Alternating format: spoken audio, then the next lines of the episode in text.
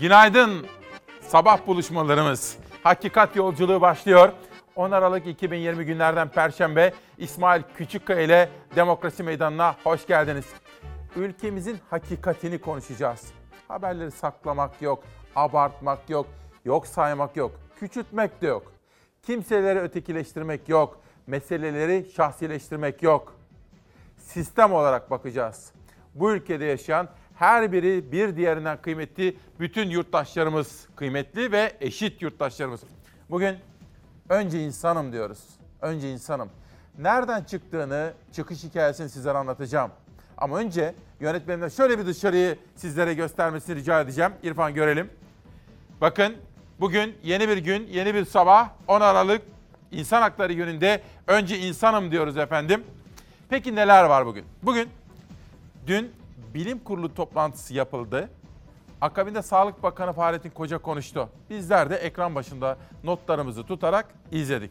Sonra ekip arkadaşlarım bakandan manşetler seçti. Bugün 10.30'a kadar sürecek demokrasi meydanımız içerisinde sizlere bakandan gelen açıklamaları, bilim kurulunun aldığı kararları anlatacağım. Ana istikametimizde bu manşet var. Sonra ekonomi. Özellikle işsiz ve dar zamanlarda olan esnafımıza dair manşetler var. Ve Çalar Saat gazetemizde bu defa emekliler var efendim. Gazeteyi emeklilerimiz için ayırdık. Özel dosya ve haberlerimiz olacak. Siyaset. Dedik ya burası demokrasi meydanı. İsmail Küçükkaya demokrasi meydanında bugün bir siyasetçi geliyor. Ankara'da Meclis Plan Bütçe Komisyonu'nda bizlerin vergileriyle oluşturulan bütçenin 2021'de nerelere harcanması gerektiği konusunda çalışan, fikrini öne süren bir değerli milletvekili gelecek demokrasi meydanına. Spordan bahsedeceğim. Dün ayıplamıştık. Irkçılığa nefret etmiştik. Irkçılıktan ve ırkçılığa karşı sesimizi yükseltmiştik. Başakşehir Paris Saint Germain maçı öncesinde ve sonrasında yaşananlara bakacağız. Ve AK Parti lideri Cumhurbaşkanı Erdoğan'ın Azerbaycan'daki sözleri ve CHP lideri Kemal Kılıçdaroğlu'nun yapmış olduğu açıklamalar. Bütün partilerden manşetler seçtik, derleyip toparladık. Ankara Sanat Tiyatrosu ile ilgili dün bana gelen telefonlar. Alper Taşdelen başta olmak üzere. Gamze Hanım, Gamze Taşçıer. Her biriyle ilgili haberleri de arkadaşlarım hazırlıyorlar. Ferzan Özpetek'e geçmiş olsun diyorum. Küçücük bir rahatsızlığı var. Sabah haberleştik. Dün İtalya'yı salladığını söylemiştim. Mehmet Ali Dim, kardeşim koronaya yakalanmıştı. Sabah teyit ettim. Durumu da gayet iyi. Pek çok sürprizim var efendim. Ama önce İrfan hazır mısınız? İnsan insan İnsan insan derler idi İnsan nedir şimdi bildim can can Söylerlerdi ben can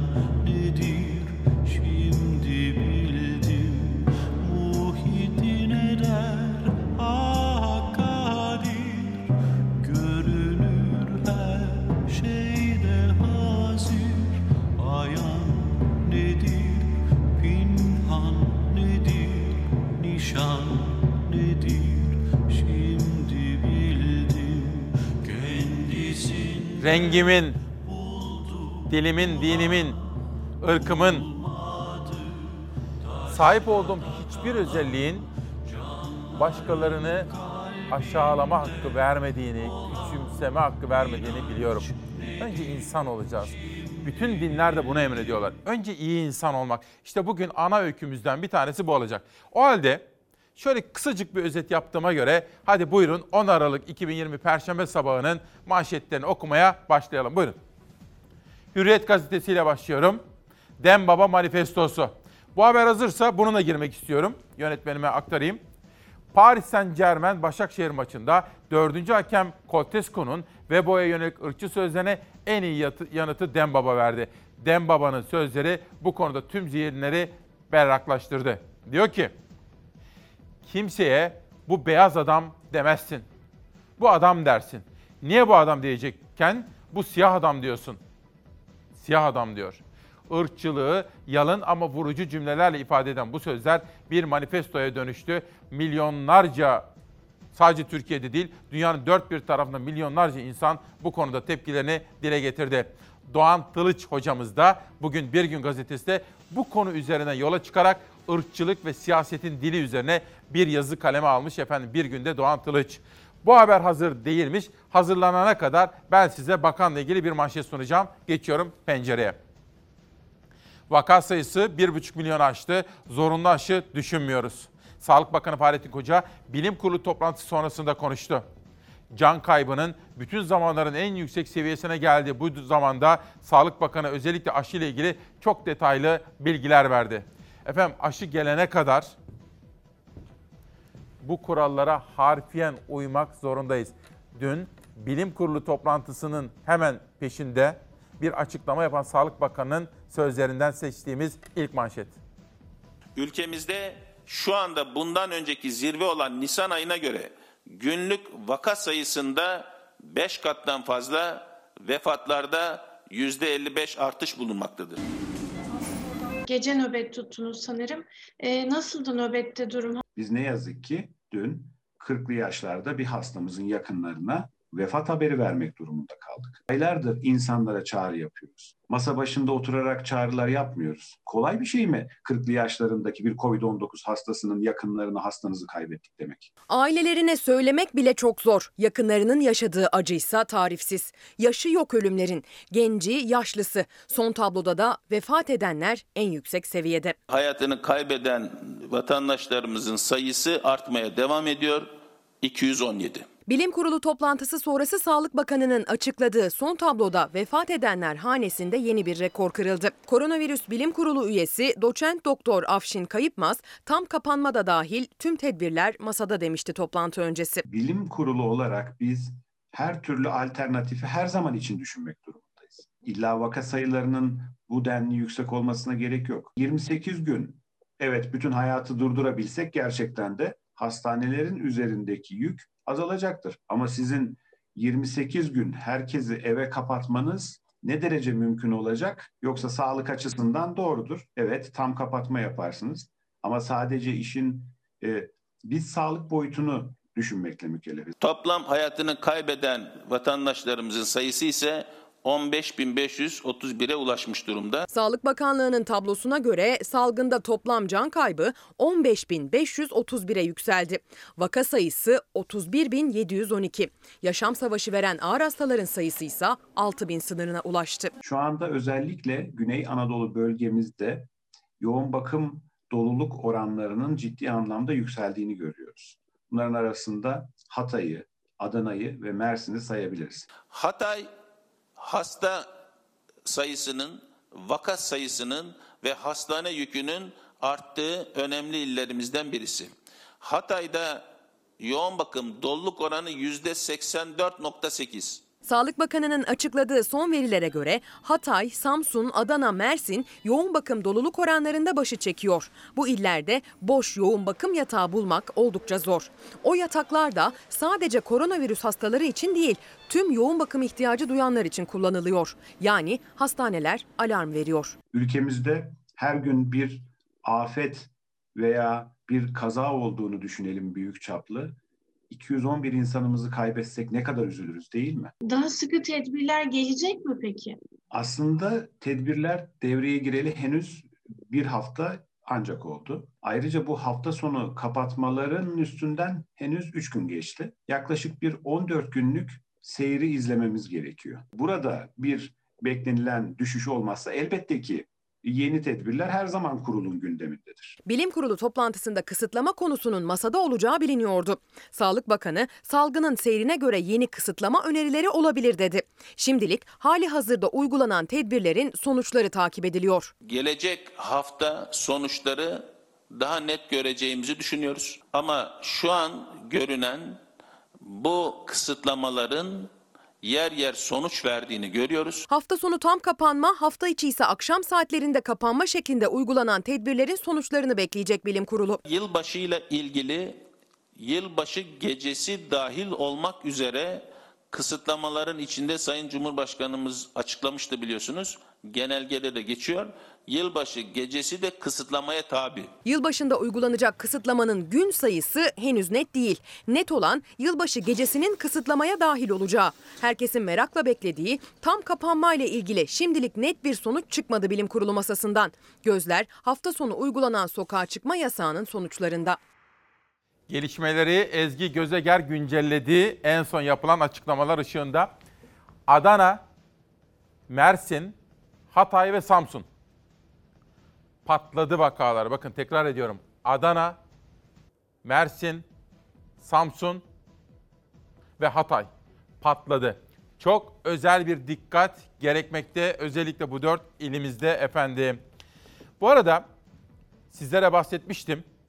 Deniz ve Can Özola çiftinin evinde bir köpek var ve komşuları vahşi bir şekilde o bahçeye girip köpeklerini öldürüyorlar. Davada takipsizlik verilmişti. Güvenç Dağüstün, biraz evvel insan insanda sesini duyduğunuz kıymetli sanatçımız bu konunun peşini bırakmıyor. Oda TV'de bu konuda bir yazı kaleme almış efendim. O da benim takibimde. İsmail Bey günaydın diyor Cennet Hanım. Bir yakını cezaevindeymiş, isimlere gerek yok. Cezaevlerindeki durumlar konusunda da özellikle Hatay'dan bana yazmış. Sevdiklerine, babalarına hasret çocuklar var diyor ve şöyle özetlemeye çalıştım. Cezaevlerindeki durumlar konusunda bugün Şanlıurfa Hilvan Cezaevi B8 koğuşundan da Emin Çöleşan'a bir yazı gitmiş. Cezaevleri ve koronaya karşı alınması gereken tedbirler konusunda açıklamalar bekleniyor. Bu da demek ki önemli konulardan biri takip listemizde olmayı sürdürecek. Bir manşet daha gelsin. Çin aşısı el altından AK Partilere yapılıyor. CHP Ankara Milletvekili Murat Emir, Çin'le sözleşmesi yapılan ve Bakan Koca'nın birkaç gün içinde geleceğini aktardığı aşının Türkiye'ye getirildiğini ve 10 gündür AK Partili siyasilerle yakınlarına yapılmaya başlandığını iddia etti. Bilim kurulu sonrası yeni bir paylaşım yapan Emir, Bakan Koca'nın iddiayı kabul ettiğini söyledi. Emir, aşının el altından VIP yani çok önemli insanlar diye tanımlanan şahıslara yapılmaya başlandığı iddiamıza yanıt olarak Sağlık Bakanı'nın istemiyoruz, yapmıyoruz. Biz izin vermedik yanıtını verdi. Aşının zaten izinsiz yapıldığını söylüyorduk. Bakan da yapılmamıştır diyemedi ve kabul etti. Bu bir itiraftır ifadelerini kullandı efendim. Öyle böyle. En fazla el üstünde tutmamız gereken kimdir efendim? Bana söyler misiniz?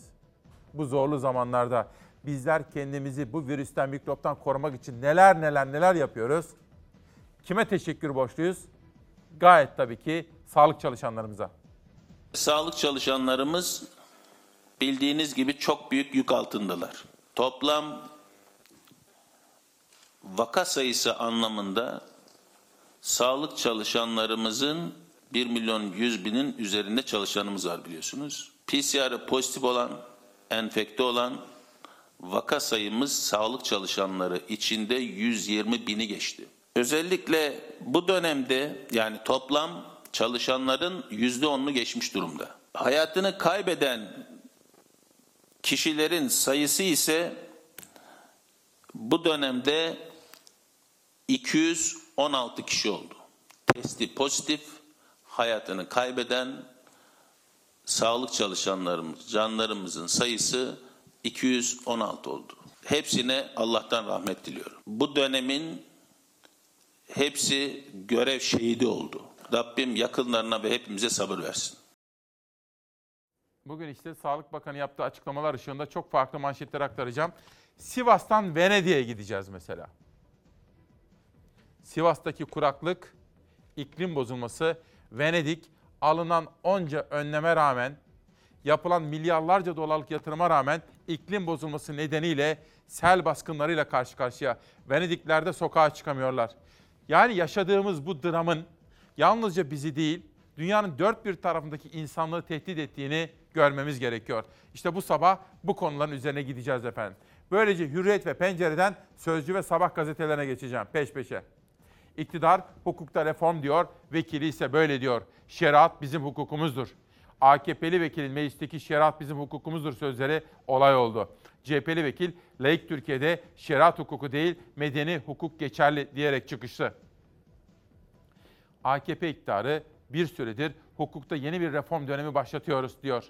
Herkes reformu beklerken AKP milletvekili Cengiz Aydoğdu meclisteki bütçe görüşmesinde kürsüye çıktı. Şeriat kelimesinden korkarız. Hayır, öyle değildir. Şeriat bizim hukukumuzdur dedi. Bu sözler olay oldu. CHP'li Engin Özkoç, AKP'li vekile layık demokratik Türkiye Cumhuriyeti'ne şeriat hukuku değil, adaletli medeni hukuk geçerlidir karşılığını verdi. Bunun üzerine AKP'li Aydoğdu, olay olan o sözler için demedim dedi. Ancak şeriat bizim hukukumuzdur sözleri tutanakta yer alıyor diyor efendim. Bugün işte böylesine dop dolu bir günde bir sabah buluşması yaşayacağız efendim. Sivas'a gidiyoruz. Memleketimizin tamamında yaşanan kuraklık, iklim bozulması, barajlarımızda artık suyun kalmamış olduğu gerçeği ve bizlere artık bir mesaj. Uyanın diyor tabiat ana uyanın.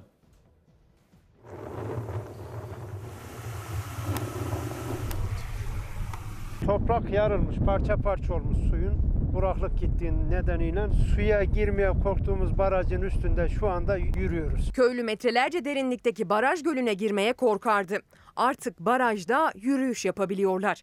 2008 yılında baraj suları altında kalan köyün kabristanında dua edebiliyorlar. Eski köylerini ziyaret etmek için baraja geliyorlar. Şu anda havanın da kuraklık gittiği nedeniyle suyumuz yani yeterli değil. Seviyesinin barajımızın seviyesinden çok aşağı düştü suyumuz. Sivas'ın Ulaş ilçesinden geldi kuraklığın haberi. Yapalı köyüne 2008 yılında inşa edilen Karacalar Barajı kuraklığın etkisiyle neredeyse tamamen kurudu.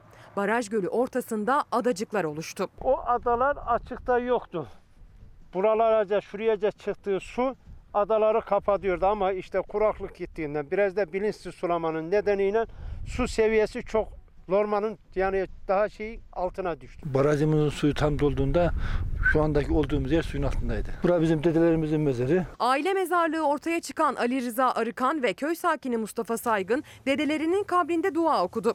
Çatlamış toprakta yürüyüş yapan köylü manzarayı ürkütücü buluyor.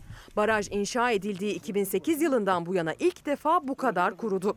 Çünkü özellikle son aylarda Sivas'ta neredeyse hiç yağmur yağmadı. Baharın biraz yağdı ama şu anda güzün hiç yağmadı. Yani bu 9. ay, 10. 11. aylarda yağmur yağmadı.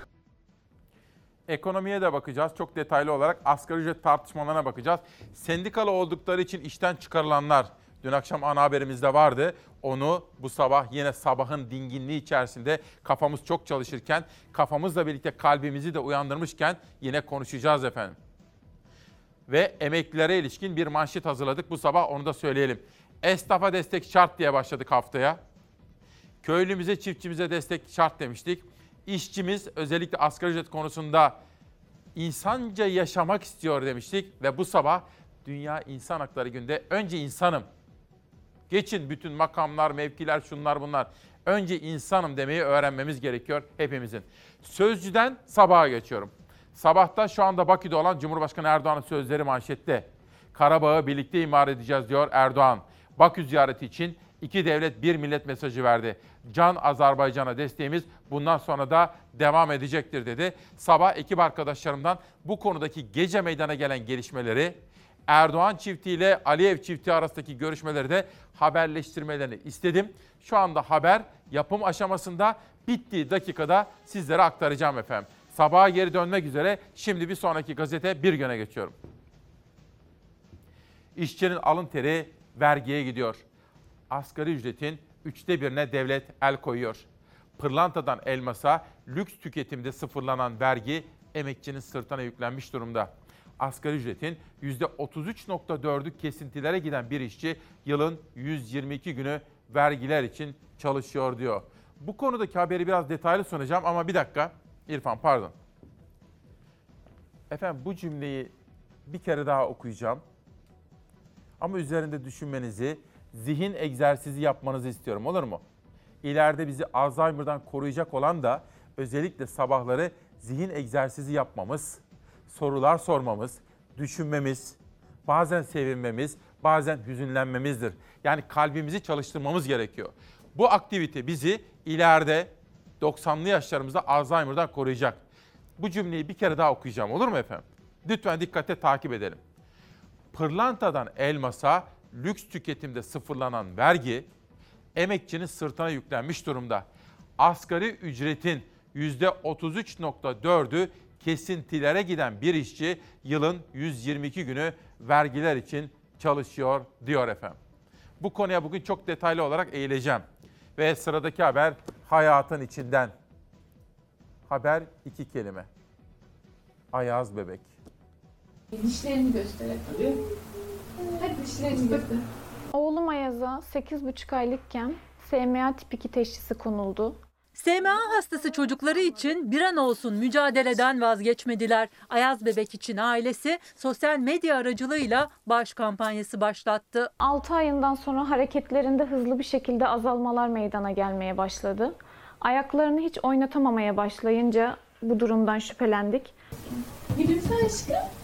Kahkaha at bakayım Bizim şöyle. sloganımız Ayas hep gülsün. Marmaris'te yaşayan Mehtap Sinan Ünen çiftinin oğlu Ayaz Bebe'ye 8,5 aylıkken SMA tip 2 teşhisi konuldu. Şimdi 16 aylık olan Ayaz Bebeğin tedavisi mümkündü. Ancak ailenin maddi gücü tedavi masraflarını karşılamaya yetmedi. 7 aydır e, Amerika'daki Zolgensma gen tedavisi için bir kampanya başlattık. Paranın %3'ünü toplayabildik 65 bin euro.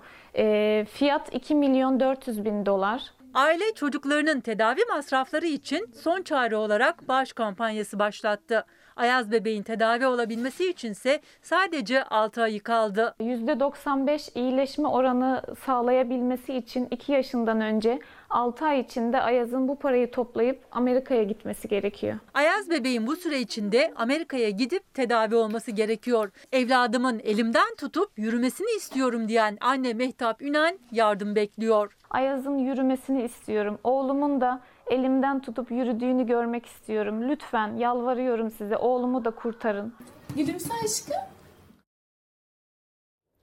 Bir soru sorabilir miyim? Bizim anayasamızda ne yazıyor efendim? Devletimizin temel niteliklerini tanımlarken demokratik, laik, sosyal bir hukuk devletidir. Çok sevdiğimiz bu ülkemiz, uğruna bu kadar mücadele ettiğimiz, belli bir seviyeye taşımak istediğimiz, medeni, güzel, refah içinde yaşamak istediğimiz bu ülkemiz anayasamıza girdiği üzere demokratik, laik, sosyal bir hukuk devletidir. Sosyal hukuk devleti ne demek? sosyal hukuk devleti demek vatandaşların temel ihtiyaçlarını karşılamada sorun yaşamadıkları. Bu tür sorunları yaşayan vatandaşlarımızın devlet tarafından vatandaş oldukları için desteklendikleri. Devlet dediğimiz şey bunun için var. Bunun adı sosyal hukuk devletidir. Eğitim, sağlık, beslenme, barınma gibi temel insani gereksinimler karşılanmak zorundadır. Yoksa devletin parası nereden geliyor? Siz, ben, o hepimiz vergiler veriyoruz. Devlet hepimizin bir ailesidir. Ailenin içinde o aç, bu tok olabilir mi efendim? Bir mesaj. İsmail canım kardeşim günaydın. Ben sana Antalya'dan yazıyorum. İbradı'dan. Mahallesine kadar yazmış. Ben kahveci esnafıyım. Eksik olma. Her sabah kahveciden, esnaftan bahsedersin. Aylık, bunu da dinleyelim olur mu? Aylık 877 lira Bağkur alıyorum. İki çocuğum var. Biri Batman'da askerde. Vatani görevini yapıyor Batman'da. Biri de üniversitede. Şimdi sen bana söyle biz ne yapalım güzel kardeşim diyor. Tamer Kaplan. İşte hayatın içinden bir mesaj. Bu kadar konuşmama falan hiç gerek yok işte. Bir mesajda Türkiye'nin görünür tablolarından biri. Daha doğrusu görünmeyen ama bizim göstermeye çalıştığımız tablolarından biri. Önce insanım dediğimiz bu sabahta sıra geldi dünyanın manşetlerine. Bir fotoğraf ve Başakşehir Paris Saint Germain maçı ırkçı bir saldırı sonrasında yarıda kalmıştı. O ırkçılığı yapan hakem heyeti görevden alınmıştı. Bütün dünya birleşti. Başakşehir dün Paris Saint Germain karşısına çıktı. Maçın skoru önemli değil. Şöyle önemli değil. Öncelikle centilmenlik kazansın diyoruz. Ama ama içimden geçen bir duyguyu söylemezsem de ayıp olur. Yani size karşı samimiyetsiz davranmak istemem hiçbir zaman. İçimden ne geçiyorsa söylemek isterim. Başakşehirli oyunculara da kırıldım. Üzüldüm. Kazanırsın, kaybedersin. Önemli değil. Ama ırkçılık gibi bir küstahlığa, ayıba maruz kaldıktan hemen sonra dünyanın gözü o maçtaydı. Yenilseniz bile biraz daha iyi oynasanız, bütün dünyanın gözü orada. Bayrağımızı, ülkemizi biraz daha iyi temsil etseydiniz daha mutlu olurdum. Irkçı hakem nedeniyle ertelenen maç yeni gününde ırkçılığa karşı protestoyla başladı. Futbolcular ve hakemler maç öncesinde orta sahada diz çöktü, ayrımcılığı protesto etti. Başakşehir gerçekten çok kararlı bir duruş sergiledi ve sahadan çekilmeleri Önceki gün Şampiyonlar Ligi tarihinde benzeri görülmemiş bir olay yaşandı. Maçın başlarında dördüncü hakem Başakşehir yardımcı antrenörü Pierre Webo'ya ırkçı sözler sarf etti. Turuncu lacivertliler sahayı terk etti soyunma odasının yolunu tuttu. Paris Saint Germain'den de Başakşehir'e destek geldi. Romen hakemi almalarına rağmen arkadaşlar direndiler. Bizim için bu yeterli olmaz dediler ve ardından hakemlerin dördünü de değiştirme kararını UEFA verdi. Tabii burada Dembaba filan onlar aynı şekilde çok kararlı durdular. UEFA tüm hakemlerin değiştirilmesine karar verdi. Maçı bir gün erteleyerek kaldığı yerden oynanmasını kararlaştırdı. Irkçı hakem nedeniyle ertelenen maç dün kaldığı yerden devam etti. Stadyumun her yerine ırkçılık karşıtı pankartlar asıldı. Oyuncular sahaya çıkmadan önce ırkçılığa hayır yazılı tişörtler giyerek antrenman yaptı. Maç başlarkense hakemler ve futbolcular orta sahada diz çöktü. Şampiyonlar Ligi müziği eşliğinde ırkçılığı protesto etti. Protestoların ardından maç başladı. Temsilcimiz Başakşehir sahadan 5-1 mağlup ayrıldı. Bakın diyor ki hayat ne kadar zor Sema Hanım. Asgari ücret. Neredeyse çalışanların %45'i asgari ücretle çalışıyor.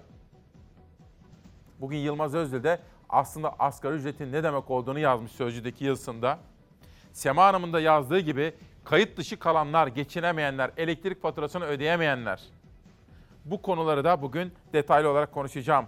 Bugün 10 Aralık, bugün Kastamonu, Kastamonu'dan mesajlar geliyor. Kastamonu kadınları ve tüm Türkiye kadınlarımızın başarı öyküsünün tarihidir diyor efendim. İlk Türk kadın mitingi milli müdafaa konusunda söz konusu olunca işte bakın Kastamonu tam da 10 Aralık'ta bunu anlatıyor.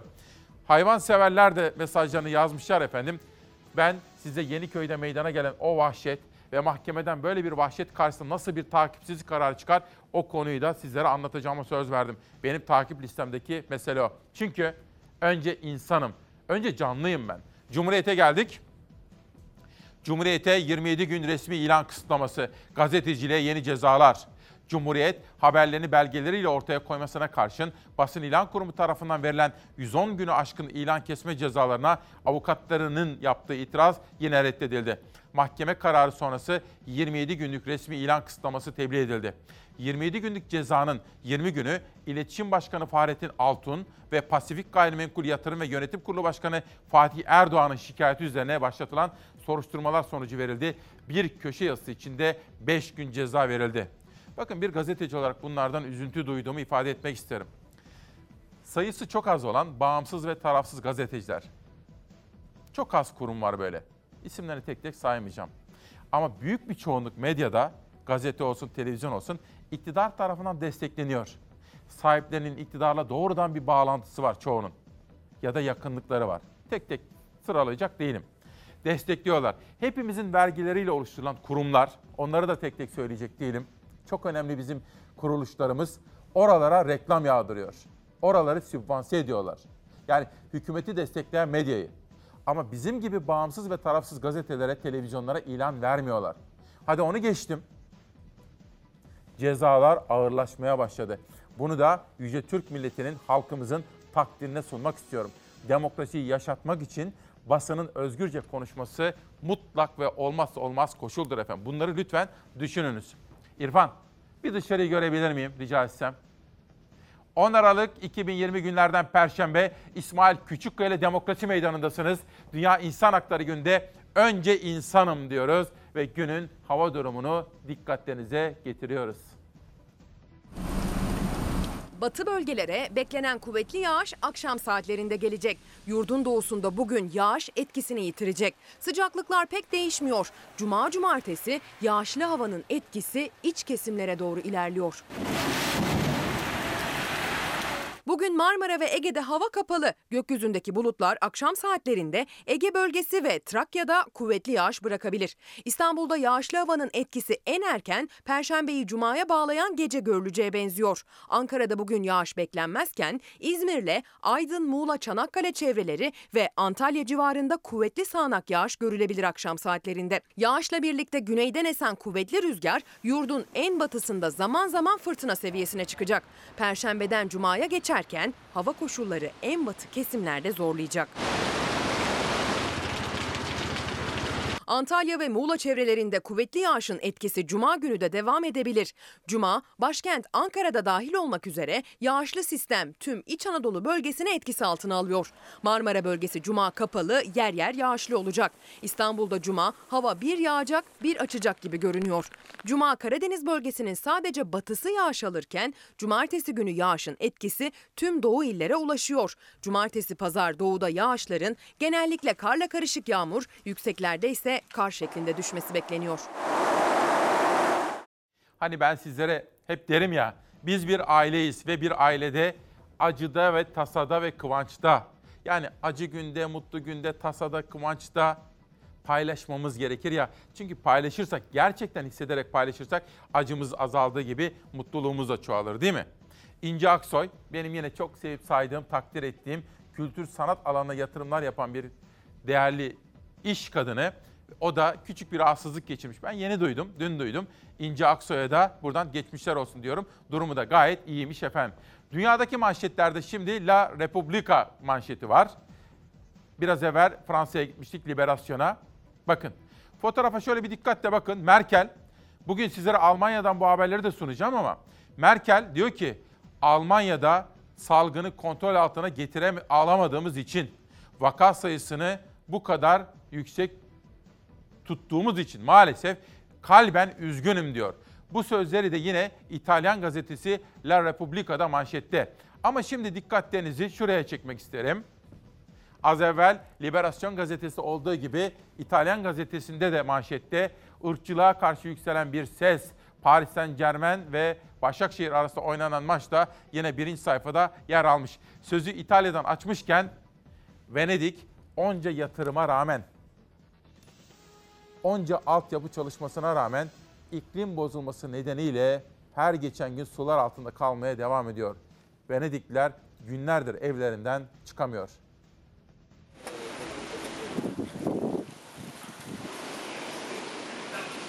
Sağanak yağışlara bir de gelgit eklendi. Venedik bir kez daha su altında kaldı. Ev, iş yeri, müzeler dahil birçok yapı zarar gördü. Suyun yükselmesini engellemek için yapılan bariyer de çalışmayınca su seviyesi 1 metreyi geçti. Geçtiğimiz yıl Kasım ayında sel felaketi yaşandı Venedik'te. Su seviyesi 1 metre 87 santim yükseldi. Rekor gelgitlerin tarihi kenti maliyeti 1 milyar euro oldu. Bir daha benzer bir felaketle karşı karşıya gelmemek için bariyer sistemi kuruldu. Elektrikli bariyer suyun yükselmesini engelleyecekti. Ancak henüz test aşamasında olan sistem çalışmadı. Venedik bir kez daha tahmin edilenden yüksek oranda su altında kaldı. Olası bir selde suyun 1 metre 20 santimi geçmeyeceği düşünülüyordu ancak su seviyesi 1 metre 38 santim yükseldi. Dükkanları su bastı. İnsanlar selin içinde gidecekleri yere güçlükle ilerledi. Venedik'te maddi zarar geçen sene oluşan kayıpla beraber katlandı. Biraz sonra sizlere Sağlık Bakanı yaptığı en son açıklamalardan seçtiğimiz manşetler, başta aşı olmak üzere. Korona ile mücadele haberleri hazır. Ekonomi, asgari ücret, emekli ve sendikalı olduğu için işten atılanlar. Dün akşam ana haberimizde vardı ama sabahın zihin açıklığı içinde onları da sunacağım. Bugün Çalarsat gazetemizde emekliler var efendim. Emeklimiz dünyadaki diğer emekliler gibi şöyle huzur içinde yaşasınlar istiyoruz. Güzel, refah bir hayatı hak ettiler onlar. Ömürlerinin en güzel bağrında emeklilerimize hak ettiklerini vermemiz gerekiyor. Buna ilişkin haberler ve dosya çalışmalarımız sizlerle birlikte olacak. Hayatın içinden sürprizler ve yaptığımız haberler de var. Ankara Sanat Tiyatrosu'yla kültür sanata bakacağız. Yeniköy'de işlenen bir cinayet, bir bir köpeği vurdular başkasının evinde. Dün konuştum. O köpeğin sahibi Deniz Hanım'la da konuştum. Ne kadar üzüntülü olduklarını biliyorum. Bunu da konuşacağız efendim. Ve işte elektrik çarpacak Egemen gazetesi. Her ay Ortalama 185 bin konutun fatura ödenmediği için elektriği kesiliyor. Geçen yıl 4 milyon abone faturasını ödeyemedi. Son 2 yılda elektriğe 10 kez zam yapıldı. Faturaları şişiren düzenlemeler karşısında vatandaş yalnızca bir kez fiyat indiriminden faydalandı. Devlet elektrik faturasında halkın sırtına 4 vergi yüklerken kaçak ve dağıtım bedeli de hala tahsil ediliyor. CHP'li Burhanettin Bulut yeni bir tebliğ ile dağıtım ve tedarik şirketlerinin yıl içinde yapacağı dernek aidat giderleri, temsil ve ağırlama giderleri ile ilan giderlerinin elektrik faturalarına yükleneceğini söyledi. Şimdi bu cümleyi bir kere daha okuyacağım ama burada EPDK'dan bir açıklama geldi. Bu iddiayı yalanladılar. Dolayısıyla bilmiyorum ne olduğunu ama cümleyi bir kere daha okuyalım. Dağıtım ve tedarik şirketlerinin yıl içinde yapacağı dernek aidat giderleri, temsil ve ağırlama giderleri ile ilan giderlerinin elektrik faturalarına yükleneceğini söyledi. Bu tabi vahim bir iddia. EPDK bunu yalanladı ama biz bu konuyu takip etmeyi sürdürelim efendim. Günaydın. 10 Aralık'ta önce insanım dedik. Demokrasi Meydanı'nda bugün Ankara'dan Plan Bütçe Komisyonu'ndan bir siyasetçiyi davet ettim. Çünkü bizim toplanan vergilerimizin nerelere harcanacağı bilgisi demokratik bilincin vazgeçilmez hususlarından biridir. Dolayısıyla dikkatlerinizi isteyeceğim. Ve sinemamız, dünya sineması, ben film izlemeyi çok severim. Zihnimizi boşaltmak için müthiş bir imkandır. Atilla Dorsay yazmış, imzalamış, eksik olmasın. Hayranıyım kendisinin ve bana da bu kitabı göndermiş. Hayatımızı değiştiren filmler. Efendim saatler 8.36'yı geçti. Ne demek bu? Benim için günün ilk sade kahvesi için vakit geldi demek. Her sabah bir yolculuktur değil mi? O yolculuğa doğru inançla, kararlılıkla, iyimserlikle ama sorunları da görmezden gelmeden başlamak iradesidir bu. Günaydın. Ne olursak olalım. Para, pul, makam, mevki, şan, şöhret. Yalan. Önce insanım. İşte bugün böyle sizlere seslenmek istiyoruz. Bu sabahki haber yolculuğumuzda İsmail Küçükkaya Demokrasi Meydanı'nda meclisten Plan Bütçe Komisyonu'nda bizlerin hakkını savunan, bizlerin verdiği vergilerle oluşturulan aile bütçemizin nerelere harcanması gerektiği konusunda bizlerin sesini duyuran bir isim davet ettim. Saat 9'u 20 geçe civarında sizlerle onu buluşturacağım. Ve ona asgari ücret, emekli, geçim derdi, işsizlik gibi temel sorunlarda hangi çözüm önerileri var onu soracağım. Bu arada danışmanımdan bir bilgi geldi. Editörüm şimdi araştırıyor.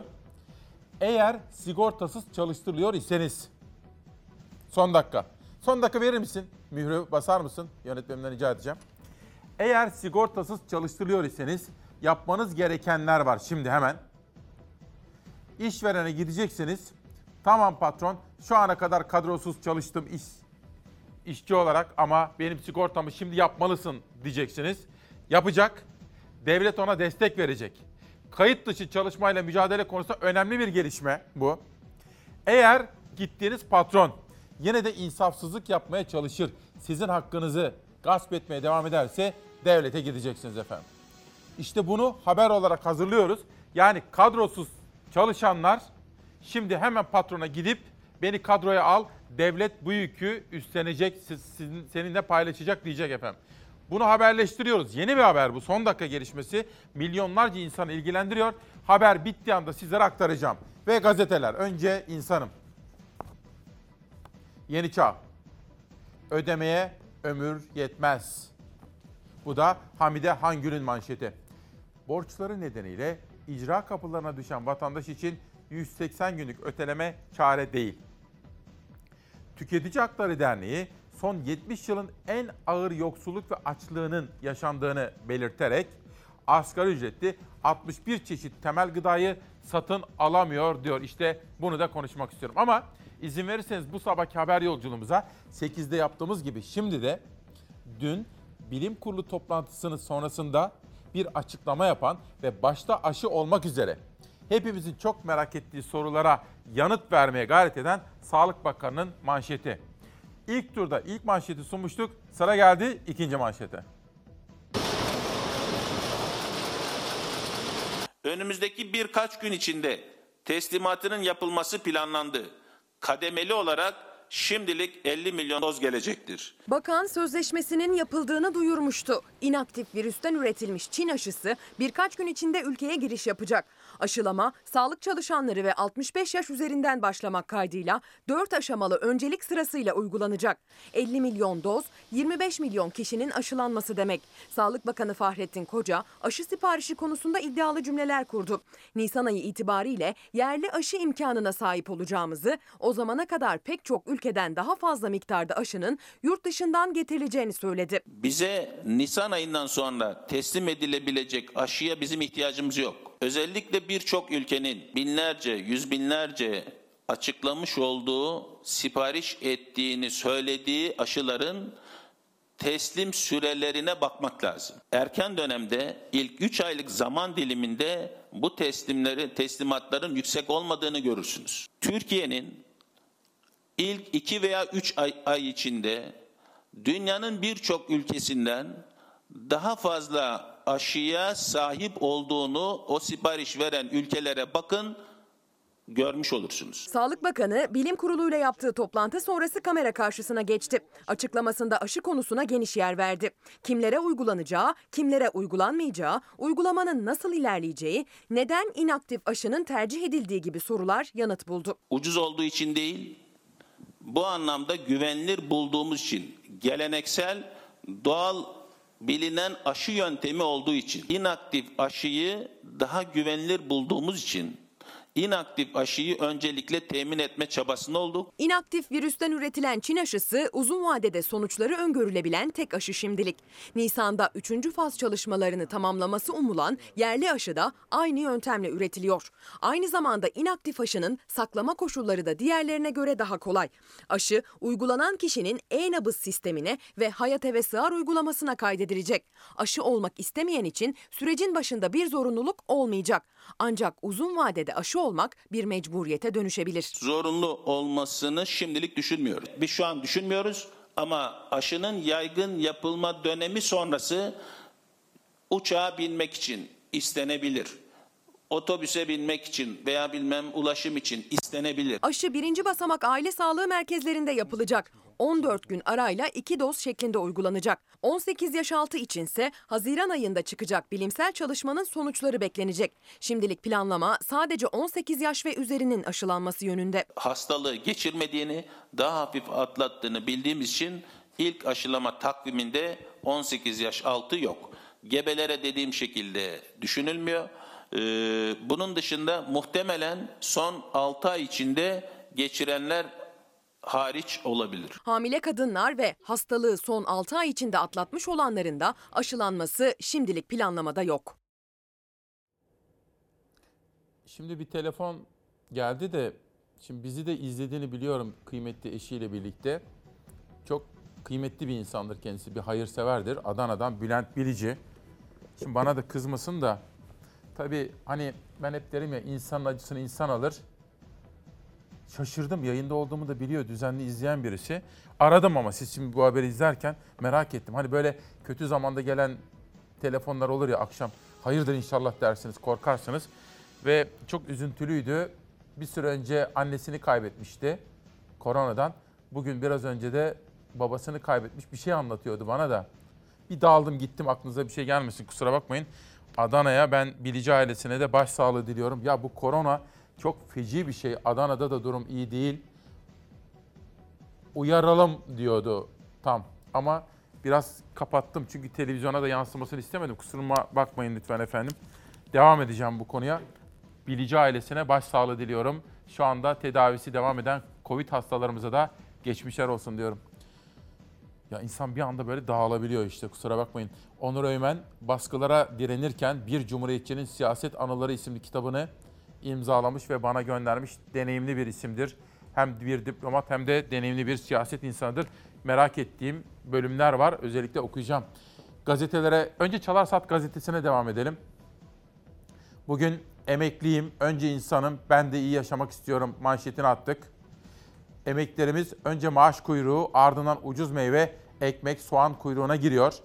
Kuyrukta bekleyerek aldıkları maaşlarını evlerine varamadan yine kuyruklarda bitiriyorlar. Birçok ülkedeki yaşıtları hayatın tadını çıkarırken Türk emeklisinin hayatı kuyruklarda geçiyor. Bir sonraki maaşa kadar nasıl geçineceğini düşünerek ömür tüketiyor bizim kıymetlilerimiz efendim. Hayalini kurduğumuz ülkeye ulaşmak işte o zaman mümkün olacak. Emeklisine, insan onuruna yaraşır bir hayatı biz verebildiğimiz zaman efendim. Mecliste bir arbede yaşandı. Bütün bu yaşadığımız olayların aslında özünde ve kökünde demokrasi var, özgürlükler var, insan hakları var. Biz hukukun üstünlüğünü tesis edebilirsek, hakim teminatını sağlayabilirsek, yani hakimler filanca kişinin yakını kendisine aracı olarak gelmeden, Adalet Bakanlığı'nın üst düzey görevlileri, bürokratları, filanca daire başkanları veya müsteşar yardımcıları, eskiden müsteşar yardımcıları vardı. Herhangi bir şekilde aracı gitmeden, en ufak bir şekilde sinyal vermeden, en ufak bir şekilde talimat, telkin, tavsiye, yönlendirme almadan hakimler tamamen akıllarıyla, vicdanlarıyla önündeki hukuk metni ve hepimizi bağlayan anayasamıza bağlı kalarak karar verirlerse biz işte o zaman aydınlık gelecek konusunda hiçbir endişeye gerek duymadan yaşayabiliriz. Hakimlerin vermiş olduğu kararlarda Avrupa İnsan Hakları Mahkemesi, Anayasa Mahkemesi'nin vermiş olduğu kararlara yönelik bir ihlal söz konusuysa bu ihlal yapan, bu kararı veren hakim ve savcıların terfisinde dikkate alınacak. Sayın Tanrıkulu yerinize oturur musunuz? Sezgin Bey. Adalet Bakanı Gül meclis kürsüsünde Avrupa İnsan Hakları Mahkemesi ve Anayasa Mahkemesi kararlarından bahsetti. CHP'li vekiller Enis Berberoğlu kararında neredeydiniz diye sordu. CHP'li Sezgin Tanrıkulu kürsüye doğru yürüyünce AK Partili vekillerle CHP'li vekiller arasında arbede yaşandı. Sayın Özkoç müdahale eder misiniz lütfen? Oturun Sayın Özkoç.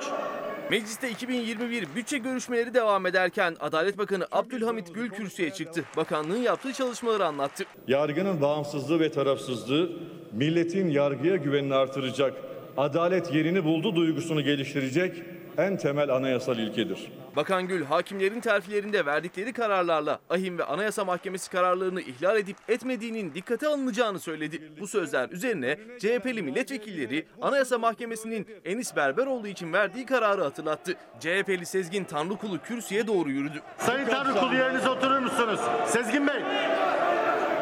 Mecliste tansiyon bir anda yükseldi. AK Parti sıralarından da tartışmaya katılanlar oldu. Genel kurulda arbede yaşandı. Birleşme 15 dakika. Artan tansiyon sonrası oturuma 15 dakika ara verildi. Araya giren milletvekilleri sayesinde kavga daha fazla büyümeden engellendi. Verilen aranın ardından görüşmeler kaldığı yerden devam etti. Evet Sayın Adalet Bakanımızın konuşmasında kalmıştık. Buyurun Sayın Gül. Siyaset ve ekonomi ana gündem maddelerimiz olacak. Sağlık Bakanı'nın açıklamaları ile ilgili başka haberlerim de olacak efendim. Bir savcının seyir defteri Hikmet Gülay yaşanmış gerçek hikayeleri yazmış. Hikmet Gülay teşekkür ediyorum kendilerine. Yeni Çağ'dan Türk Gün'e geçelim. Türk Gün gazetesi erken saatlerde sizde sunduğum Sabah gazetesi gibi Cumhurbaşkanı Erdoğan'ın Bakü'deki temaslarından manşet yapmış. Zaferin kutlu olsun kardeş diyor. Azerbaycan Türkleri Dağlık Karabağ'da elde edilen zafer dolayısıyla başkent Bakü'de bugün düzenlenecek askeri geçit törenini sabırsızlıkla bekliyor. Cumhurbaşkanı Erdoğan tören için Bakü'ye gitti. İşte Erdoğan'ın Bakü'de Aliyev çiftiyle Erdoğan çiftinin karşılaşma anı da dahil olmak üzere en sıcak görüntüler, en taze haber. Cumhurbaşkanı Erdoğan ve eşi Emine Erdoğan zafer kutlaması için Azerbaycan'a gitti. Tören öncesinde Azerbaycan Cumhurbaşkanı İlham Aliyev ve eşiyle akşam yemeğinde bir araya geldi. Hoş geldin. Elhamdülillah. Çok şükür. 44 gün süren Dağlık Karabağ işgalden kurtarma operasyonu sonrası Azerbaycan ordusu Ermenistan güçlerini bozguna uğrattı. Karabağ işgalden kurtarıldı, Azerbaycan zafer kazandı. Paşinyan, ne oldu be? Azerbaycan zaferi kutlamak için askeri geçit töreni düzenleme kararı aldı. Azerbaycan Cumhurbaşkanı İlham Aliyev törene Cumhurbaşkanı Erdoğan'ı davet etti.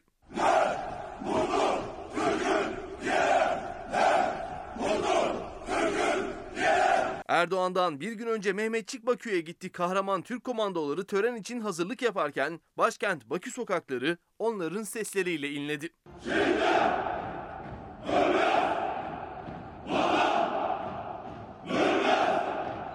Dün akşam saatlerinde ise Cumhurbaşkanı Erdoğan ve eşiyle birlikte beraberlerindeki heyet Azerbaycan'a ulaştı. Erdoğan'ı havalimanında Azerbaycan Başbakan Yardımcısı Yakup Eybov karşıladı.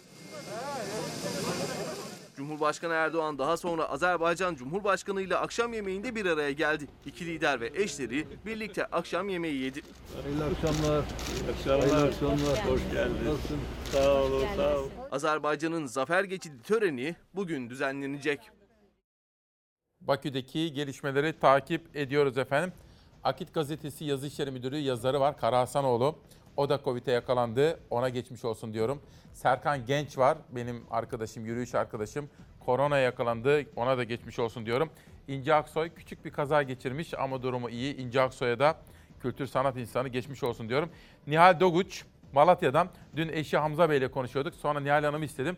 O da tedavisi devam ediyor ama iyiliğini, iyi niyetini ve kalbini iyileşeceğine dair umutlarla beslemeye devam ediyor. Nihal Hanım'ın da yanındayız Malatya'da efendim. Hatta ona dedim ki yazar da o öğretmenimiz. Nihal Hanım bir şeyler yazar mısınız bana dedim. Yazayım dedi. Biraz daha kendimi toparlayıp yazayım dedi. Önce insanım yerel gazeteler. Diyarbakır Yeni Gün gazetesiyle başlayacağım. Oradan İzmir'e geçeceğim. Diyarbakır'da 2000'den fazla sağlıkçı enfekte oldu. Diyarbakır Sağlık Platformu, COVID-19'dan yaşamını yitiren sağlık çalışanları için Gazi Yaşargil Eğitim ve Araştırma Hastanesi önünde anma etkinliği düzenledi. Diyarbakır'dan İzmir'e, doğudan Ege'ye geçiyorum. Asgari ücretten vergi almayın. Beşli çeteye ve saraya değil halka destek olun diye bir manşetle çıkmış. Yaşam şartlarının her geçen gün ağırlaştığını da söylüyor gazete manşette. Gaziantep'e geçelim. Gaziantep'in yarısı icralık.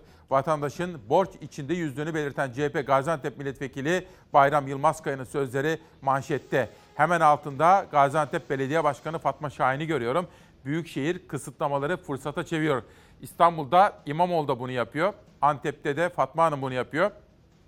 Sokağa çıkma kısıtlamalarının olduğu gün kentin altyapı çalışmalarına hız veriyor her iki belediye.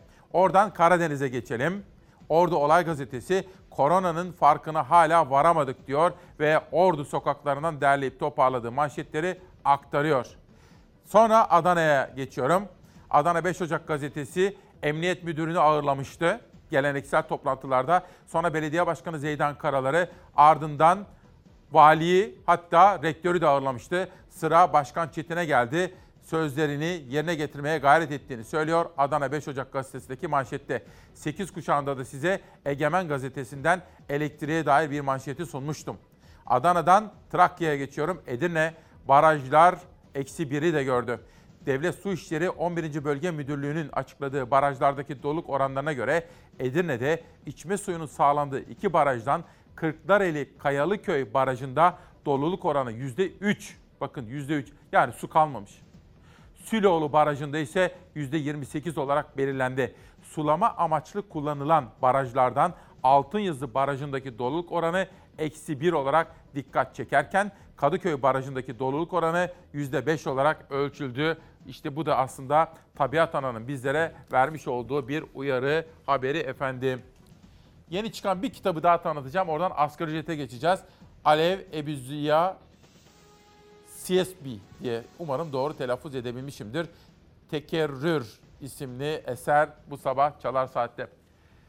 İnsanca yaşamak için, insan onuruna yaraşır bir hayatı sürdürmek için ne kadar asgari ücrete ihtiyacımız var? Sefalete teslim olmayacağız. Asgari ücretli kazandığı her 3 liranın 1 lirasını vergi ve kesinti olarak daha ücreti eline geçmeden kaybetmektedir. Bütün ücretlerin asgari ücret tutarının vergiden muaf olması gerektiğini bir kez daha söylemek için toplandık. Asgari ücretin net 3800 lira olmasını isteyen disk bu kez de vergi yüküne dikkat çekmek için sahadaydı. Vergi dairesi önünde en düşük maaş olan asgari ücretin tamamının çalışana ödenmesi gerektiğini söylediler. Zaten düşük maaş alıyoruz. Vergi kesildiği zaman da daha da düşüyor. E, geçinmekte çok zorlanıyoruz. Asgari ücretin vergi dışı kalmasını istiyoruz. Mevcut asgari ücret brüt 2943 lira ama çalışanın eline geçen net 2324 lira. Aradaki farkın nedeni vergi ve kesintiler. Asgari ücretlinin maaşından 412 lira SGK primi, 155 lira gelir vergisi, 29 lira işsizlik sigortası primi, 22 lira da damga vergisi kesiliyor. Yani toplamda 618 lira. Asgari ücret talebini ilk açıklayan sendika olan DİSK, asgari ücretliden kesilen vergiye dikkat çekmek için İstanbul Vergi Dairesi Başkanlığı önünde toplandı. DİSK üyeleri ücret hesap pusulasıyla kesintiyi gösteren görsellerle açıklama yapıyor. Buradaki tabloda da görüyorsunuz damga vergisi, gelir vergisi, primler kesiliyor. Ayrıca ödediğimiz ÖDV, ÖTV ve KDV yani dolaylı vergilerde hesaba katıldığında asgari ücretli yaklaşık 1000 lira kaybetmektedir. Asgari ücretlinin vergiden muaf olması diğer çalışanların da vergi yükünün hafiflemesi demek. Çünkü çalışanların her geçen sene daha fazla vergi ödemesine sebep olan vergi dilimlerinin yeniden düzenlenmesi gerekecek. O dilimler yıllardır çalışan aleyhinde düzenleniyor. Vergi yükü katlanıyor. Asgari ücretin eğer kesilmemesi, vergiden muaf tutulması diğer bütün çalışanları da etkileyecektir. Türkiye asgari ücretli sayısında da lider. Her 100 çalışandan 43'ü asgari ücret alıyor. Asgari ücretlinin mağduriyeti azalsın diye asgari geçim indirimi ödeniyor. Ama onda da adalet yok. Bekar olup 2324 lira alan bir vatandaş da 220 lira asgari geçim indirimi alıyor. 15 bin lira maaş alan bir vatandaş da 220 lira asgari geçim indirimi alıyor. Asıl adaletsizlik burada başlıyor. Düzeltilmesi gerekiyor. Bir de bunun yanında bir damga vergisi kesilmekte. Bu damga vergisinin bugün kaldırılması gerekirken 99 yılında binde 4,80 olarak uygulanan oran bugün binde 7,59 olarak uygulanmıştır. Yani düşmüyor yükseliyor kesintiler. Asgari ücret tespit komisyonu 15 Aralık'ta ikinci kez toplanmaya hazırlanırken Cumhurbaşkanı Erdoğan taraflar görüştükten sonra son sözü söyleyeceğini belirtti. Bizim de önümüze gelecek. Ondan sonra adımları birlikte atacağız. Temennimiz odur ki isabetli, hayırlı bir karar çıkar ve yola devam ederiz. Dikkatle takip ettiğimiz temel konulardan biri dün Taşdelen aradı. Sonra Gamze Taşçıyer milletvekili. Ankara Sanat Tiyatrosu konusunda sesinizi duyduk. Ankara Sanat Tiyatrosu'nu ziyaret ediyoruz. Mülk sahibi sorun çıkarıyormuş. Ama Ankara Sanat Tiyatrosu'nun bizler için, mazimiz için, mazimize ayak basarak geleceğe emin adımlarla ilerlemek için ne kadar kıymetli olduğunu biliyorlar, anlamışlar. Bu konuları takip ediyoruz efendim. Haberi var Ankara Sanat Tiyatrosu haberi benim takip listemde. İşte pencere. Elektrik şirketlerinin temsil giderleri de faturaya eklenecek. Elektrik şirketlerinin özel harcamaları da yurttaşın cebinden çıkacak. Yayımlanan tebliğe göre elektrik şirketlerinin temsil, ağırlama, seyahat ve dernek aidat giderleri 5 yıl boyunca elektrik faturalarına yansıtılacak. Bu vahim bir iddia. Zaten TRT payı yok bilmem ne payı falan derken faturalar şiştikçe şişiyordu. Bu da doğru mu diye düşünüyoruz ama EPDK bunun doğru olmadığını söyledi. Bilmiyorum efendim. EPDK'dan gelen bir açıklama var. Bu arada sizlere söz vermiştim. Fikri takip namusumuzdur. Tekel bayileri isyan ediyor. Kısıtlamalar nedeniyle alınan kararlara tepki gösteriyorlar. Kendilerine ayrımcılık yapıldığını, zor durumda olduklarını söylüyorlar. Fakat alınan o karara ilişkin iktidar yaşam biçimlerine müdahale ediyor diyen de var. Esnaf arasında çelişkiyi gidermeye, çifte standardı ortadan kaldırmaya çalışıyor diyen de. Yani Ankara'da kısıtlama günü alkol yasağını savunan da gördüm. Çünkü bazı esnaf satabilmiyor. Bazıları marketlerde satabiliyor. Bunu destekleyen de gördüm. Bu iktidar zaten yaşam biçimimize müdahale ediyor diyeni de gördüm. İşin içinden çıkmak şu anda mümkün değil. Ama ben bugün Bendevi Palandöken'i de arayıp bu konuyu soracağım. Hafta sonunda alkol yasağının bir mantığı var mı öğrenip sizlere anlatacağım efendim. Reyhanlı Çerkesleri, Adıgeler ile Direnen Kültür isimli kitap bu sabah Çalar Saat kitaplığında efendim. Peki dünyadaki manşetlere bakalım. Bir de Joe Biden kabinesini oluşturuyor. Bizi de çok etkileyecek. Cumhurbaşkanı Erdoğan geçmişte biraz eleştirdi Joe Biden için. Neler söyledi dün? Diyor ki Canım diyor bir hukukumuz var Joe Biden'la. Nerelerde nerelerde kahveler içtik kendisiyle diyor. Hakkımızı arayacaktır diyor ve aslında küçük bir zeytin dalı uzatıyor Amerika'nın yeni seçilmiş başkanına Cumhurbaşkanı Erdoğan. Independent'a geçelim. The Welt gazetesinde İtalyan La Repubblica gazetesinde olduğu gibi Merkel'in çok üzgünüm. Korona ile etkili mücadele yapamadık. Vaka sayıları bu kadar yükseldi, bu kadar vatandaşımızı kaybettik. Kalben üzgünüm şeklindeki sözleri The Welt gazetesinin de manşetinde. Independent'a geçtiğim zaman İngiltere ile Avrupa Birliği arasında meydana gelen gelişmeler. Brexit, biliyorsunuz Brexit bir boşanma hikayesi. Evlendiler, olmadı, anlaşarak boşanmaya çalışıyor Avrupa Birliği ile İngiltere. Fakat o kadar da kolay değil. Ve Boris Johnson'ın bütün çabalarına rağmen Avrupa Birliği ile uzlaşma henüz sağlanabilmiş değil. Ama şimdiki haber için sizi Amerika'ya götürmek istiyorum. Joe Biden 20 Ocağı yani başkanlık görevini teslim alacağı güne hazırlanıyor.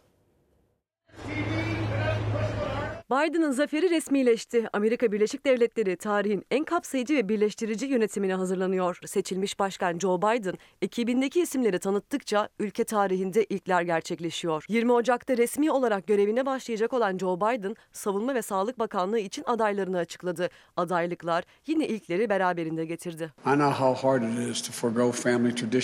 Amerika Birleşik Devletleri'nde başkanlık seçimleri zorlu pandemi sürecine denk geldi. Salgının merkezi haline gelen ülkede Trump dönemi kapanıyor. Başkent Washington DC ile beraber 50 eyalet Biden'ın zaferini tescil etti. 20 Ocak'ta görevini Biden'a devredecek olan Trump sonuna kadar itirazlarına devam etti. Ama tüm iddiaları asılsız kaldı. Joe Biden'dan ülkeyi salgından kurtarmak adına beklenti çok büyük. Sağlık ekibini açıklayan Biden 100 gün dedi. Göreve geldikten 100 gün sonra ekibimle bu hastalığın seyrini değiştirebiliriz dedi. We need to remember we're at war with a virus, not with one another. Joe Biden, Sağlık Bakanı adayı ve Savunma Bakanı adayıyla da ilkleri imza atmaya devam etti. Sağlık Bakanı adayı olarak Kaliforniya Başsavcısı Xavier Becker'ı tanıttı. Becker'a göreve gelirse bu konuma getirilen ilk Latin kökenli Amerikalı olacak. for up to 22 hours a day. Sürpriz bir isim de Savunma Bakanlığı'ndan. Joe Biden, Savunma Bakanlığı'nda eski Merkez Kuvvetler Komutanı emekli Orgeneral Lloyd Austin'i gösterdi. Austin göreve gelirse Pentagon'un başına geçen ilk siyahi isim olacak. Joe Biden toplu aşılama başladığında Austin'in çok önemli bir rol oynayacağını ve kendisine çok güvendiğini dile getirdi. Biden'ın seçimlerinde en önemli ilklerden biri de ağırlıklı olarak kadınların yönetimde yer alması oldu. Önce başkan yardımcısı Kamala Harris'i tanıttı. Harris ülke tarihinde hem ilk kadın hem de ilk Afrika Asya kökenli başkan yardımcısı oldu. Seçilmiş başkan, Hazine Bakanlığı'na eski FED Başkanı Janet Yellen'ı getireceğini açıkladı. Yellen göreve geldiğinde ülke tarihindeki ilk kadın hazine bakanı olacak. Your jobs, your paychecks. Biden, Beyaz Saray Bütçe ve Yönetim Ofisi Direktörlüğüne Hindistan asıllı Neera Tandon'u atadı. I'm humbled and honored. Bir ilk de Amerikan İstihbarat Teşkilatı CIA'de. Joe Biden'ın Obama döneminde öne çıkan isimlerden Avril Haines CIA'nin başına getireceği öngörülüyor. Haines 2010-2013 yılları arasında CIA'nin direktör yardımcılığı görevini yürütmüştü. Gelişmeleri takip etmeyi sürdüreceğiz efendim. Biz yerel gazetelere değer veriyoruz ya bakın bu bizim en önem verdiğimiz hususlardan biri. Sinop'tan Cengiz Demirel, Sinop 15 Eylül Gazeteciler Cemiyeti ve Barış Ayhan da kendisine teşekkür ediyorum. Her gün tabii yerel gazetelere yer verdiğimiz için, yerel gazetelerdeki arkadaşlarımızı desteklediğimiz için bize bir teşekkür göndermiş. Bunu da çerçeveleteceğim. Yani çok az şeyi böyle çok değerli sayarım. Yerel gazetelere çok önem veriyorum. Canlansınlar onlar. Çünkü merkez medya dediğimiz şey çöktü. Büyük gazeteler çok çöktü. Güven kaybına uğradıkları için de yerel gazetelere can vermemiz gerekiyor. Basın canlı kalsın. Oda isimli kitap Deniz Gökkaya. Efendim ben 2-3 haftadır bir konuğu da davet etmek istiyordum. Burası biliyorsunuz demokrasi meydanı. Lütfü Elvan'ı da davet ettim. Ekonomi Bakanı'nı. Konuştum bizzat kendisiyle. Uzun zamandır tanırım. İşte her partiye açık olsun istiyorum burada. Böyle demokrasi meydanı olsun istiyorum. Sırada da bir değerli konuğum var. Meclis Plan Bütçe Komisyonu'nda çalışıyor. Bizim bütçemizin nasıl olması gerektiğini, paralarımızın nerelere harcanması gerektiğini çalışıyor. Rica ettim. Ankara'dan İstanbul'a geldi. Biraz sonra, birkaç dakika sonra huzurlarınızda olacak. Önce insanım diyorum. İrfan gel. Ankara Sanat Tiyatrosu hep yaşayacak. Manşetimiz bu. Dün Taşdelen de aradı, Gamze Taşçıyer aradı. Ankara Sanat Tiyatrosu bu dönemde desteklenecek ama bizim mazimizi yaşatacak, Oradaki bu binaya ilişkinde çalışmalar devam ediyor. Sorun Taşdelen'in anlattığına göre mülk sahibinden kaynaklanıyormuş. Ama dedi bizler destekleyeceğiz Ankara Sanat Tiyatrosu'nu. Cumhurbaşkanı Erdoğan, yargının işine müdahale etmek benim haddime değil. Ama Selahattin Demirtaş gibi teröristin varsa söz hakkını koruyacak değiliz dedi. Tabi hukuk reformunu konuştuğumuz bir- bu günlerde Erdoğan'ın bu cümlesi konuşulacak. Konuma soracağım. Ben bir gün Sinop'a gitmiştim. Bu çocuğumuzla, Berkay'la ve kardeşiyle Selin'le tanıştım. Ama sonra biz fotoğraf çektirdik, sohbet ettik. Annesi babasıyla da tanıştım. Güzel bir aile. Tıp fakültesinde okuyordu. Aile yurtsever, insansever bir aile. Bu çocuğumuz şehit oldu Beşiktaş saldırısında. Hain bir saldırıda şehit oldu. Kardeşi sonra bana ulaştı. Bu fotoğrafı hatırlattı. Ben bu fotoğrafı bilmiyordum ki bana hatırlattı. Ondan sonra bu çocuğumuz için o zaman okumakta olduğu Başkent Üniversitesi'nde pek çok şey yaptılar ve aile burada söylersem bana kızarlar. Çocuk okutuyorlar filan. Hani detaya girmeyeyim bana kızmasınlar. Ama bunları neden anlattım biliyor musunuz? O güzel çocuğumuzun ailesi dertli. Onların para pula ihtiyaçları yok. Onlar zaten çocuk falan da okutuyorlar. Ama onların derdi şu. Bir devlet ve bir toplum şehidine, onun yakınına, gazisine, gazisinin ailesine nasıl davranıyorsa ona bakacağız. O toplum hakkında fikir sahibi olacağız. Çocuğu şehit olan birisine kaç aylık bağlandı bilen var mı? 121 lira 96 kuruş. Rakamları Türkiye Cumhuriyeti Devleti'nden alın lütfen. Başka yerlerden rakam almayın. Bize olayın olduğu zaman 121 lira civarında bir rakamla maaş bağlandı. Paranın miktarı bugün 195 liraya geldi. CHP'nin gündeme getirdiği Cumhurbaşkanı yardımcısının olamaz dediği tartışmada şehit Berkay Akbaş'ın babası da konuştu. Derdimiz para değil ama terör maaşı olarak yaklaşık 200 lira yattığını devletimiz bilsin diyerek. Biz aile olarak bu paranın peşinde olan birisi gibi görünmekten utanıyoruz. Devlet bize verdiği rakamın gerçek boyutlarını duysun diye ben böyle bir açıklama yaptım. 2016 yılında Beşiktaş'taki terör saldırısında 40'ı polis 47 kişi şehit düştü. Onlardan biri de 17 yaşındaki Berkay Akbaş'tı. CHP Berkay'ın ailesine 121 lira terör maaşı bağlandığını söyledi. Rakamın 4 yıl sonra bugün 192 liraya çıktığını. Benim de yakinen tanıdığım Berkay Akbaş'ın babasına bağladığınız maaş 192 lira 59 kuruş. Ayıp ya. Bir de kont gösterdiniz onu aldım. Belki başka bir şey olabilir araştırayım onu ben size bilgi olarak da onu döneceğim. Cumhurbaşkanı yardımcısı Fuat Oktay 192 liralık şehit maaşı için başka bir şey olabilir demişti. Berkay Akbaş'ın babası konuştu. Bizlere olayın oluşundan hemen sonra 33.620 lira gibi bir rakamla tazminat ödeyeceklerini ancak bu tazminat ödeyebilmeleri için de tüm haklarımızı aldığımıza dair bir sulhnameyi imzalamamız gerektiğini ifade ettiler. Biz bunu imzalamadık, almadık, hala da yargıda devam ediyor. Salim Akbaş saldırıdan hemen sonra yapılacak 33 bin liralık yardımı kabul etmemiş. Tüm haklarını aldığına dair imza istenince kendisine devlet tarafından ödenen maaş dışında bugüne kadar tek kuruş da almadık diyor. Ve devletin de 121 lira maaş bağladığını o maaşın bugün 192 liraya çıktığını söylüyor. Bize olayın olduğu zaman 121 lira rakamla maaş bağlandı. Paranın miktarı bugün 195 lira. Biz aile olarak bu paranın peşinde olan birisi gibi görünmekten utanıyoruz. Sadece devlet bize verdiği rakamın gerçek boyutlarını duysun diye ben böyle bir açıklama yaptım. 17 yaşında gencecik çocuğunu terör saldırısında şehit veren bir baba para peşinde değiliz ama devlet bilsin dedi. Bir şehit ailesine 192 lira maaş neye göre bağlandı açıklama yok. İşte devletimiz ne diyor? Onun bir ihtiyacı yok aslında. Terör örgütü, eli kanlı terör örgütü IŞİD tarafından şehit edilen güzel yürekli bir çocuğumuzdu. Evet efendim. Ne Zeray? Peki. Bir bilgi vermeye çalışıyor, teyit etmeye çalışıyor. Efendim sizlere geçtiğimiz hafta ifade etmiştim. Türkiye Büyük Millet Meclisi'nde bütçemiz nasıl şekilleniyor? Bu konuda bir bilgilendirme, sorgulama, sizlerin en tabii hakkı ve görevi. Demokrasi dediğimiz şey aslında budur. Sadece 4 yılda 5 yılda bir oy vermek değildir. Plan Bütçe Komisyonu'ndan değerli bir milletvekili Garo Paylan geldi HDP adına. Günaydın. Günaydın merhaba. Nasılsınız? Sağ olun siz de iyisiniz. Sağ olun. Meclis nasıl gidiyor çalışmalar? Meclis gergin ama maalesef halkın bütçesini görüşürken halkın bütçesi şu anda mecliste savunulamıyor. İsmail Bey bakın vergileri sizler ödüyorsunuz. 83 milyon vatandaşımız ödüyor.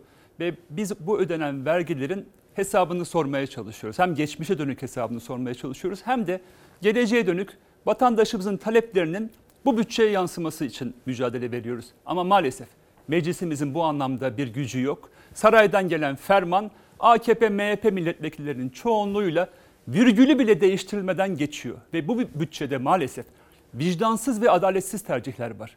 Bakın vergiyi siz veriyorsunuz. Vergiyi verirken değil mi en zengin arabada, en yoksul arabada bir benzin istasyonuna gittiğinde 300 liralık benzin aldığında 200 lirası vergiye gidiyor.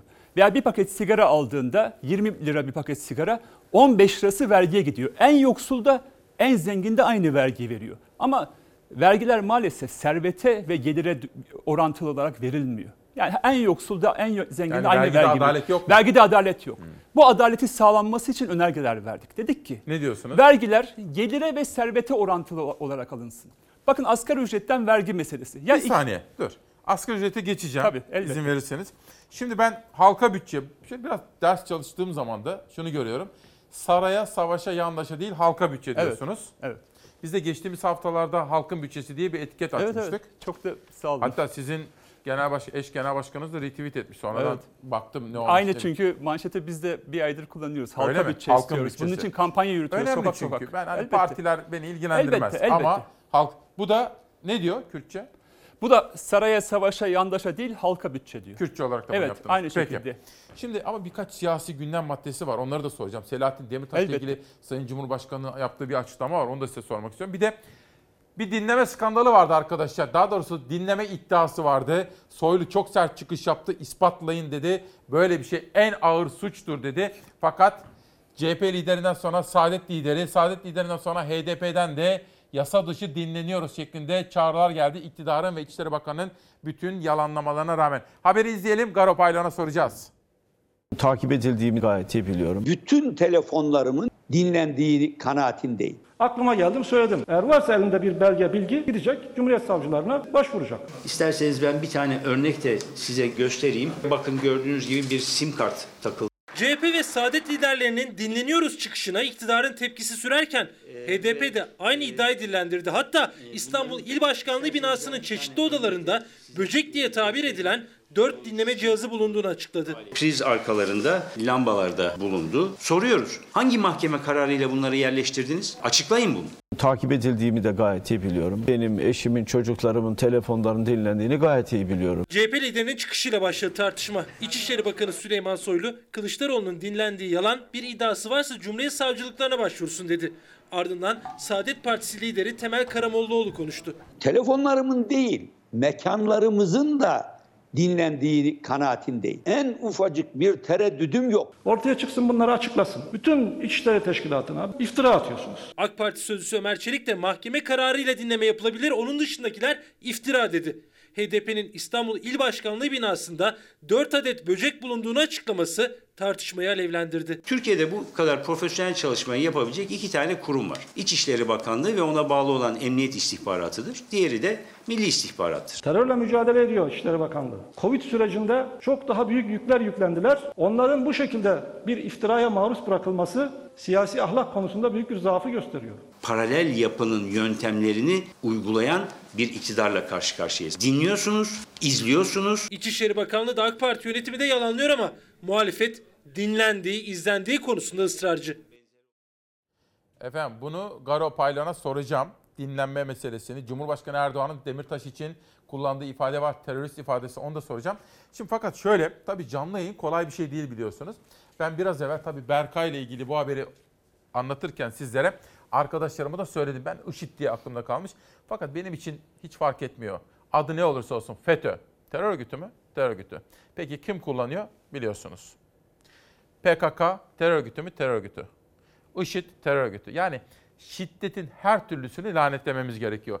Bizim işimiz demokrasi, söz hakkına saygı, ifade özgürlüğü, demokrasi. Tartışmayı ve konuşmayı öğrenmemiz gerekiyor. Bu çocuğumuzun PKK tarafından katledildiğini bir kere daha söyleyeyim. Beşiktaş'ta ben biraz evvel IŞİD demiştim. Dolmabahçe saldırısında. Ben o saldırıdan bir yıl evvel kadar önce ya da bir süre önce bu çocuğumuzla da tanışmışım. Onu da buradan saygıyla, rahmet duygularıyla anıyorum. Şimdi HDP adına Garo Paylan'a sormak istiyorum. Garo Paylan parlamentonun en çalışkan isimlerinden biri. Plan Bütçe Komisyonu'ndaki çalışmalarını izliyorum. Dolayısıyla burada bugün asgari ücreti, emeklilerin durumunu falan konuşmak istiyorum. İşte bakın halka bütçe diyor. Garo Bey, yasa dışı dinleme iddiaları var. Kılıçdaroğlu söyledi. Saadet lideri dedi ki sadece telefonlarımızı değil mekanlarımızı dinliyorlar. Dün HDP'nin bazı yerlerinde dinleme hani o böcek diye tabir Evet. ettiğimiz işte o dinleme cihazları falan bulunmuş. Ne diyorsunuz efendim burada bunu nasıl yorumlayacağız? Vallahi biz her zaman dinleniyorduk İsmail Bey. Yani yalnızca AKP döneminde değil, geçmişte de bizim eski partilerimizin temsilcileri de dinleniyordu. Bu bir devlet geleneği maalesef. Devlet içinde belli karanlık odaklar. Bu geçmişte FETÖ eliyle olmuştu. Ondan önce başka el- ellerle olmuştu. Hep birilerini dinlerler ve dosya hazırlarlar. Yani siyasi rakiplerini veya memleketi getirmek istedikleri noktalarda rakiplerini ekarte etmek için onları dinlerler. Evlerine dinlerler, böcekler koyarlar. Hatta biliyorsun Sayın Cumhurbaşkanı'nın bile mahremime girdiler deyip dinleme cihazlarını nasıl yerleştirdiğini gördük. Ama bu cihazlar her zaman çoğu zaman da muhaliflerin biliyorsunuz partilerine, merkezlerine yerleştirilir. Dün İstanbul İl Başkanlığımızda böcekler çıktı. Hani Sayın Süleyman Soylu diyordu ya bu iftiradır, böyle bir şey yoktur diyordu ama İstanbul İl Başkanlığımızda böcekler çıktı. Bizim il binalarımızda her zaman o böcekler çıkar. Onların yerleştirdikleri o kirli böcekler çıkar. Niye? Buraları dinleyelim. Efendim orada cümle içinden bir kesit bulalım. O kesitle bir tane gizli tanık bulalım. O il ile operasyon gerçekleştirelim ve HDP'yi siyaset dışına bırakalım diye böyle siyasi operasyonlar yapılıyor. Ama bizim her şeyimiz açık. Bakın biz burada ne konuşuyorsak il binalarımızda da bunu konuşuyor, bu- bunları konuşuyoruz. Bu ülkenin huzuru, refahı ve demokrasisi için mücadele veriyoruz ve onları konuşuyoruz. Bizleri dinlemelerinde gerçekten bir sakınca görmüyorum ama sıkıntı şu. Bunu illegal şekilde yapmaları. Yani bir mahkeme kararı ortada yok ve yalnızca HDP'ye karşı bunu yapıyorlar ve siyasi soykırım operasyonları için bunları yapıyorlar. Şimdi bak İçişleri Bakanı Soylu dedi ki bu şekilde yasa dışı dinleme geçmişte kaldı. Hani FETÖ yaptı. Yasa dışı dinleme ağır bir suçtur ve cezası çok ağırdır. Bunu kabul etmiyoruz dedi. Doğru değil İsmail Bey. İspatlayın diyor Bakın, o zaman da. İspat Çelik de- ortada işte dün e, bizim grup başkan vekilimiz Saruhan Oluç elinde gösterdi böcekleri. İspatı ortada. Bunlar FETÖ taktikleri. Bakın FETÖ ile mücadele ediyoruz diyorlar. Ama FETÖ taktiklerini hala devam ettiriyorlar. Gerek CHP'ye, gerek HDP'ye, Saadet'e ve başta tabii ki HDP'nin her il binasını, ilçe binasını ve genel merkezini çeşitli araçlarla dinliyorlar. İşte bunları illegal yollarla yapmaları ve herhangi mahkeme kararına dayanmadan yapmaları da bu devletin karanlık yüzünü gösteriyor. Niye? Çünkü onlar belli operasyonlar için bu dinlemeleri yapıyorlar. Ben mesela şunu söyleyeyim. E, FETÖ tarafından telefonu en uzun süre dinlenen gazetecilerden birisiyim. Bir defasında aralıklarla süre uzata uzata 3,5 yıl. Benim 4 tane ayrı davam var. İlkay Sezer takip ediyor. Müdahiliz biz. Hatta geçtiğimiz günlerde de oldu. Ben bunların geçmişte kaldığını düşünmek İsmail Bey sizi susturmak için bunları yapıyorlardı bakın. Gazetecileri susturmak için ve buna inanmak istiyorum ben. Siyasetçileri susturmak Ge- için bunları kaldığına. bakın siyasetçileri susturmak için yapıyorlar. Yargı mensuplarının üzerinde demokrasinin kılıcını oynatmak için bunları yaptılar. Gazetecileri susturmak için yaptılar. Bunlar FETÖ taktikleriydi. 90'lı yıllarda da var, vardı aynı Ama şunu taktikler. söyleyeyim, Ama Garo aynı Bey- taktikler bugün devam ediyor. Ama maalesef. şunu söyleyeyim. Onu yapanlar şimdi ya cezaevinde ya Evet. da Biz de onu sürgün yaş- söylüyoruz bakın. Bürokratlara diyoruz ki siyasetçiler, Yapmayın. siyasetçiler size ta- talimat verebilir. Git HDP'lileri dinle diyebilir. Ama bakın FETÖ'cülere bakın şimdi hepsi cezaevinde. Bugün size kanun dışı talimat kim veriyorsa ve- versin bunu yapmayın. Hukuk, Çünkü hukuk yarın haklı. AKP gidecek bakın AKP'nin günleri sayılı. AKP gidecek ve siz açıkta kalacaksınız ve hesap Bir vereceksiniz. soru gelecek. İkinci soru. Gelsin arkadaşlar. Cumhurbaşkanı ve AK Parti lideri Sayın Erdoğan dün Bakü'ye gitti Zafer Günü kutlamasına ve giderken bir konuşma yaptı. İlginç bir konuşmaydı. Yani ifadeler enteresandı. Cumhurbaşkanı Erdoğan Yeni Şafak'tan okuyorum. Yargının işine müdahale etmek benim haddime değil ama Selahattin Demirtaş gibi teröristin varsa söz hakkını koruyacak değiliz. Kınıyorum. Bakın ve şunu da söyleyeyim. Tayyip Erdoğan'ı çok iyi anlıyorum aslında. Tayyip Erdoğan'ın en büyük korkusu Selahattin Demirtaş. Çünkü neden? İki kere rak- rakip oldu kendisine. Ve iki Cumhurbaşkanlığı seçiminde de Selahattin Demirtaş 6 milyon oy aldı. Kendisi de 20 milyon oy aldı ve Cumhurbaşkanlığına seçildi. Saygımız var. Şimdi biz Tayyip Erdoğan'a terörist desek doğru olur mu? Olmaz. Niye? Bir siyasetçi. Hataları da var. Bakın çok kızıyoruz kendisine. Hataları var. Ama 20 milyon insan ona oy vermiş. Onlara saygı gereği Tayyip Erdoğan'a e, terörist demeyiz. Ama Demirtaş da 6 milyon vatandaşımızın oyunu aldı. Bir siyasetçi hataları da olabilir, doğruları da olabilir. Seven vardır, sevmeyen vardır. Onun üzerine bir sürü algı operasyonları yapılıyor ama Tayyip Erdoğan'ı çok iyi anlıyorum. Çünkü 2015 yılında biliyorsunuz Selahattin Demirtaş Tayyip Erdoğan demokrasi yolundan çıktığında seni başkan yaptırmayacağız dedi ve onu iktidardan düşürdü. Tayyip Erdoğan'ın en büyük travması Selahattin Demirtaş'tır ve ondan korkuyor ve o yüzden de 6 yıldır onun üzerine bir algı operasyonu yapıyor. Efendim hain diyor, terörist diyor. Ya 6-8 Ekim 2014 olaylarıyla ilgili bunu söylüyor biliyorsunuz değil mi İsmail Bey? Ya 6 Ekim günü Kobani'de biliyorsunuz IŞİD karanlığı Kobani'yi işgal etmek istiyordu. Biz de iktidara diyorduk ki buna izin vermeyin. Bu IŞİD barbar bir örgüt. Buna yol vermeyin dedik.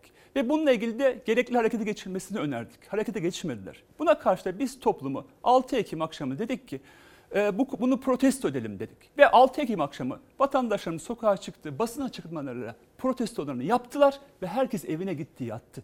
Bir şey Hiç kimsenin burnu kanamadı. Bir şey söyleyeceğim. Hatta Selahattin Demirtaş'ın o gece ben sabaha kadar İçişleri Bakanı Efkan Ala ile Sır- birlikteyim Sırrı dedi. Süreyya Önder. Sırrı Süreyya mı Süre- dedi ona? Bakın geçenlerde arkadaşlarımız... Sabaha kadar birlikteydik bakın, dedi. Sevgili arkadaşlarımız tutuklandılar değil mi? O dönemin bütün MYK'sı. Ben de o dönemin MYK'sındaydım. Şu anda dokunulmazlığım olduğu için sizin yanınızdayım şu anda. Biz bir yalnızca bir tweet attık ve o akşam herkes basın açıklamasını yaptı evine gitti. Şu anda Bircan Yorulmaz, pek çok arkadaşımız, Alp'tir, Günay arkadaşımız hepsi cezaevindeler ve 6 yıl sonra bu operasyon yapılıyor. Ya bir devlet bir yanlış varsa diyelim ki biz bir yanlış yaptıysak ne zaman harekete geçer? 6 saat içinde harekete geçer. 6 yıl sonra mı harekete geçer? Bakın bu, dosyayı ku- kullanıyor. 6 Ekim akşamı herkes basın açıklamasını yaptı. Kobani'de iktidarın tavrını protesto ettik ve evimize gittik yattık. 7 Ekim 2014 günü Tayyip Erdoğan çıktı. Kobani düştü düşecek dedi. İşte orada fay hatları tetiklendi. Olaylar başladı. Devletin karanlık yüzü devreye geçti.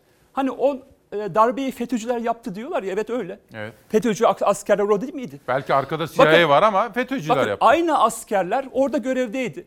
Ve olaylarda 53 vatandaşımız öldü. 45'inden fazlası tespit ettiğimiz HDP'li. Ha, belki şey var değil ya mi? askerlerde Belki var. karanlık bir şey de olabilir. Ya karanlık bir gün. Değil. Bakın. Onu mu demek istiyorsunuz? Meclisi bombalayanın FETÖ olduğuna hepimiz inan- inanıyoruz değil mi? Yani bu sonuçta darbeciler bombaladı. FETÖ'cüler yaptı. E, oradaki vatandaşlarımızı öldürenlerin darbeci olduğuna niye inanmıyoruz? Yani 6 Ekim gün, akşamı biz basın açıklaması yapmışız, evimize gidip yapmışız. Tayyip Erdoğan'a açıklamayı kim yaptırdı? Kobani düştü, düşecek açıklaması. Hadi buyurun. Aynı anda kim fay hatlarını tetikledi? Amerika'dan telefonlar Bakın, gelmişti ona, ilk, değil mi? İlk ölüm nerede oluyor biliyor musunuz? Muş Varto'da. 7 Ekim öğleden sonra oluyor. Bir polis bir vatandaşımızı öldürüyor. Belli olaylar tetikleniyor. Yani darbe dinamiği... Karanlık bir şey mi var? Bakın darbe dinamiği devreye geçmişti. Tayyip Erdoğan FETÖ'yle kavga etmeye başlamıştı. Bunun için darbe yürümek için ne yapması gerekiyordu?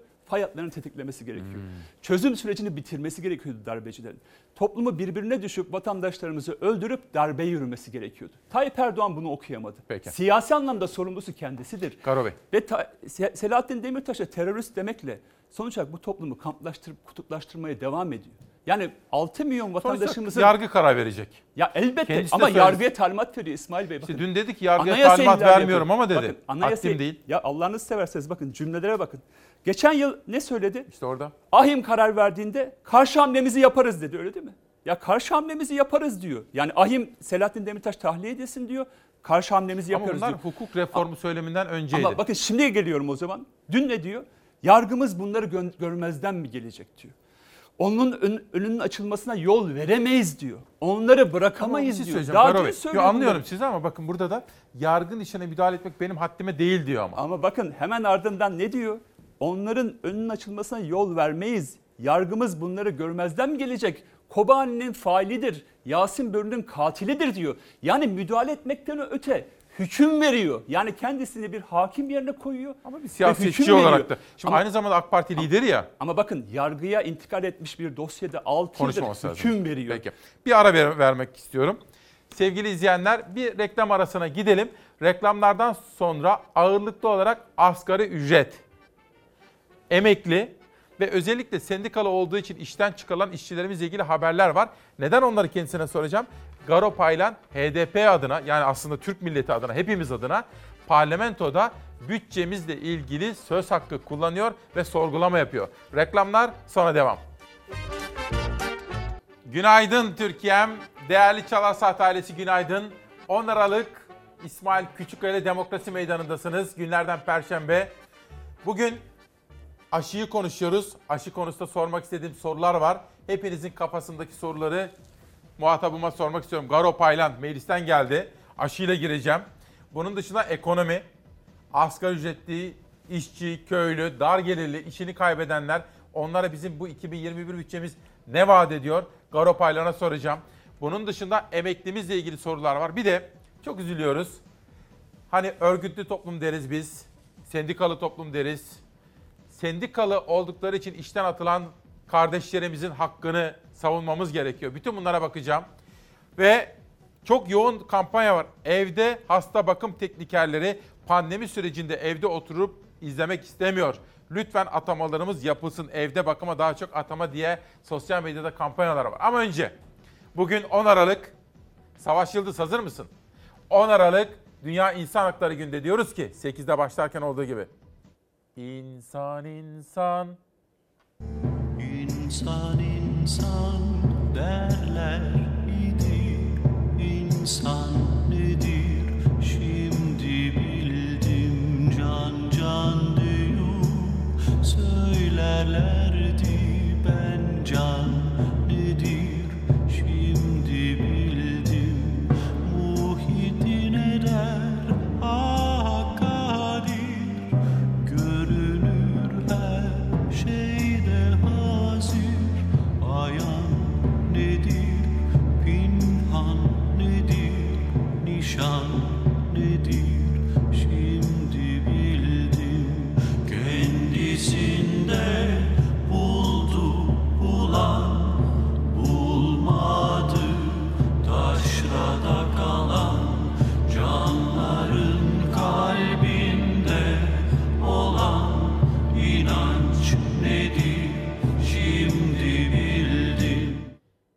Önce insan ve insanların hakları ayrıştırılamaz. Birbirinden ayrı tutulamaz, bölünemez.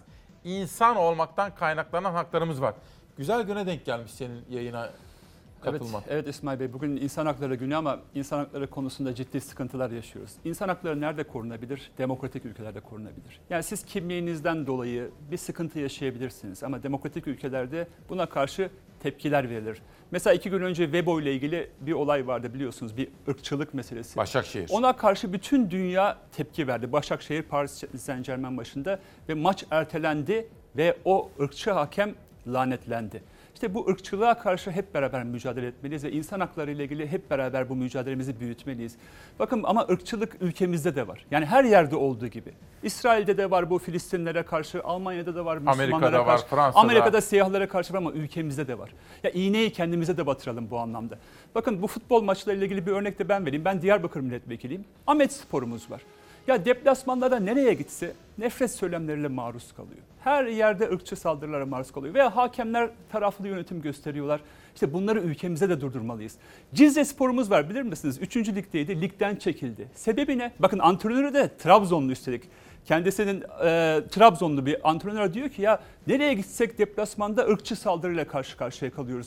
E, bu anlamda başkanı da diyor ki ya kardeşim hakemler sanki biz başka bir ülkenin takımıymışız gibi davranıyorlar. İşte bunlara son vermeliyiz. Yani dışarıdaki ırkçılığı elbette Webo'ya karşı olan ır- ırkçılığı kınıyorum ama bizlerin yaptığı Suriyelilere karşı mesela dikkat ederseniz hep bir nefret söylemi kullanılır. Suriyelilere karşı ötekileştirilir. Onlar nefret saldırılarına maruz kalırlar. Bunları bizler de durdurmalıyız. Kürt'e karşı ben bir Ermeniyim mesela Cumhurbaşkanı affedersiniz bana Ermeni diyorlar dedi. Niye affedersin diyorsun? Ermeni şey- olsan ne olacak?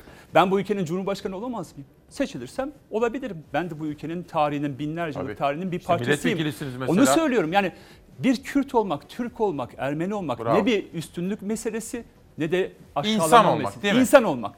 Hepimiz kimliklerimizde doğmuşuz ve bu kimliklerimize saygıyı hak ediyoruz. Müslümanız, Hristiyanız, Aleviyiz, Sünniyiz ama önce insanız ve birbirimize bu çerçevede saygı göstermek zorundayız. Bu iklimi de ancak demokratik ülkelerde sağlayabiliyoruz. Önemli. Katılıyorum size.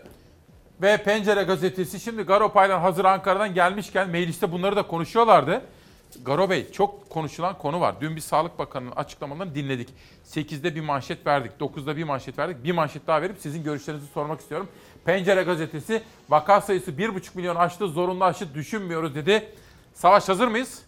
Sağlık Bakanlığı dinleyelim. Parlamentodan gelen Garo Paylan'dan yorum alacağız. Özellikle şu dönemde ölüm sayılarının siyasetin konusu yapılmasına gerçekten çok üzülüyorum. Her ateşi olan, her parametrelerinde kan değerlerinde enfeksiyon bulgusu olan, her akciğer enfeksiyonu zatürresi olan herkes enfeksiyon taşıdığı için Covid olmasın diye yıkanırken tedbir alınsın diyerek bulaşıcı hastalıklar diye yazılıyor. Bu kadar teknik bir işi yapan bizim hekimlerimiz. Hekimlerimize güvenmiyor muyuz? Ben dün bir vekil arkadaş, ismini söylemeyeyim. Çok da muhalefet eden bir vekil arkadaş. Bu söylediğimden kendisi anlar. İstanbul'da bizim hastamız Covid hastası değil, bulaşıcı hastalıklar yazıldı diye isyan ediyor. Beni şimdi duyuyor. Ve bu hastaya bulaşıcı hastalıklar yazıldı. Bu hasta emekli bir asker. Bu yanlış yazıldı. Bunun değiştirilmesini istiyoruz diyerek bana kadar ulaştı. Ama hastaya bulaşıcı hasta. PCR negatif. Üç defa PCR yapılmış negatif. Niye? Ben uygulamayı söylüyorum. Enfeksiyon bulgusu olan herkesi Olay ki Covid olabilir çünkü pandemi dönemindeyiz. Ateşi varsa, zatürresi varsa, sepsi varsa tedbir alınsın diye ölüm şekline üst tarafa bulaşıcı hastalıklar yazılıyor. Tedbir için o konuyor.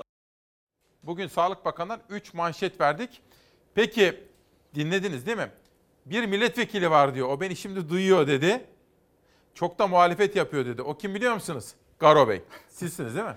Evet ben kendisini aradım. Bakın bu tip olaylar da var. Ee, bulaşıcı hastalık olarak yazılıyor üstte ama altta diğer e, vakalar da söz konusu. Hekimlerimiz bir şüphe sonuç olarak görüyorlar ve bulaşıcı hastalık olarak yazıyorlar. Ama neden birinci ölüm sebebi Covid veya diğer diye yazılmıyor? Temel mesele bu. Bakın Sağlık Bakanı 1,5 milyon e, e, vaka var diyor. Doğru değil ki. 7 ay boyunca vaka sayılarını gizlediler. Şu anda Türkiye'de en az 5 milyon vatandaşımız hasta oldu ve 15 milyon 15 bin vatandaşımız öldü diyor. Ama şu anda en az bu ölüm sayılarının iki misli olduğunu biliyoruz. Yani pek çok vaka gizlendi. Pek çok ölüm gizlendi. Dün 217 vatandaşımızın öldüğü açıklanıyor ama biz ölüm sayılarının bunun en az iki katı olduğunu biliyoruz. Ya 217 sayısı bile felaket bir sayı İsmail Bey. Ya ülkede bir gün bir uçak düşse, 200, Allah korusun 217 vatandaşımız ölse ulusal yas ilan ederiz. bakan şu anda şu anda bakıyorsunuz. Ya bakın. bakın sebebi ne biliyor musunuz? Ben biliyorum. Nisan ayından sonra turistler gelecekti. Vaka sayıları yüksek gözüktüğü için İngiltere, Rusya turist göndermek istemiyordu. Diğer Tamam. Avrupa ülkeleri, Almanya. Bu çerçevede vaka sayılarını düşürdüler. Ölüm sayılarını düşük gösterdiler. Gerçekten yazın 7-8 milyon turist geldi.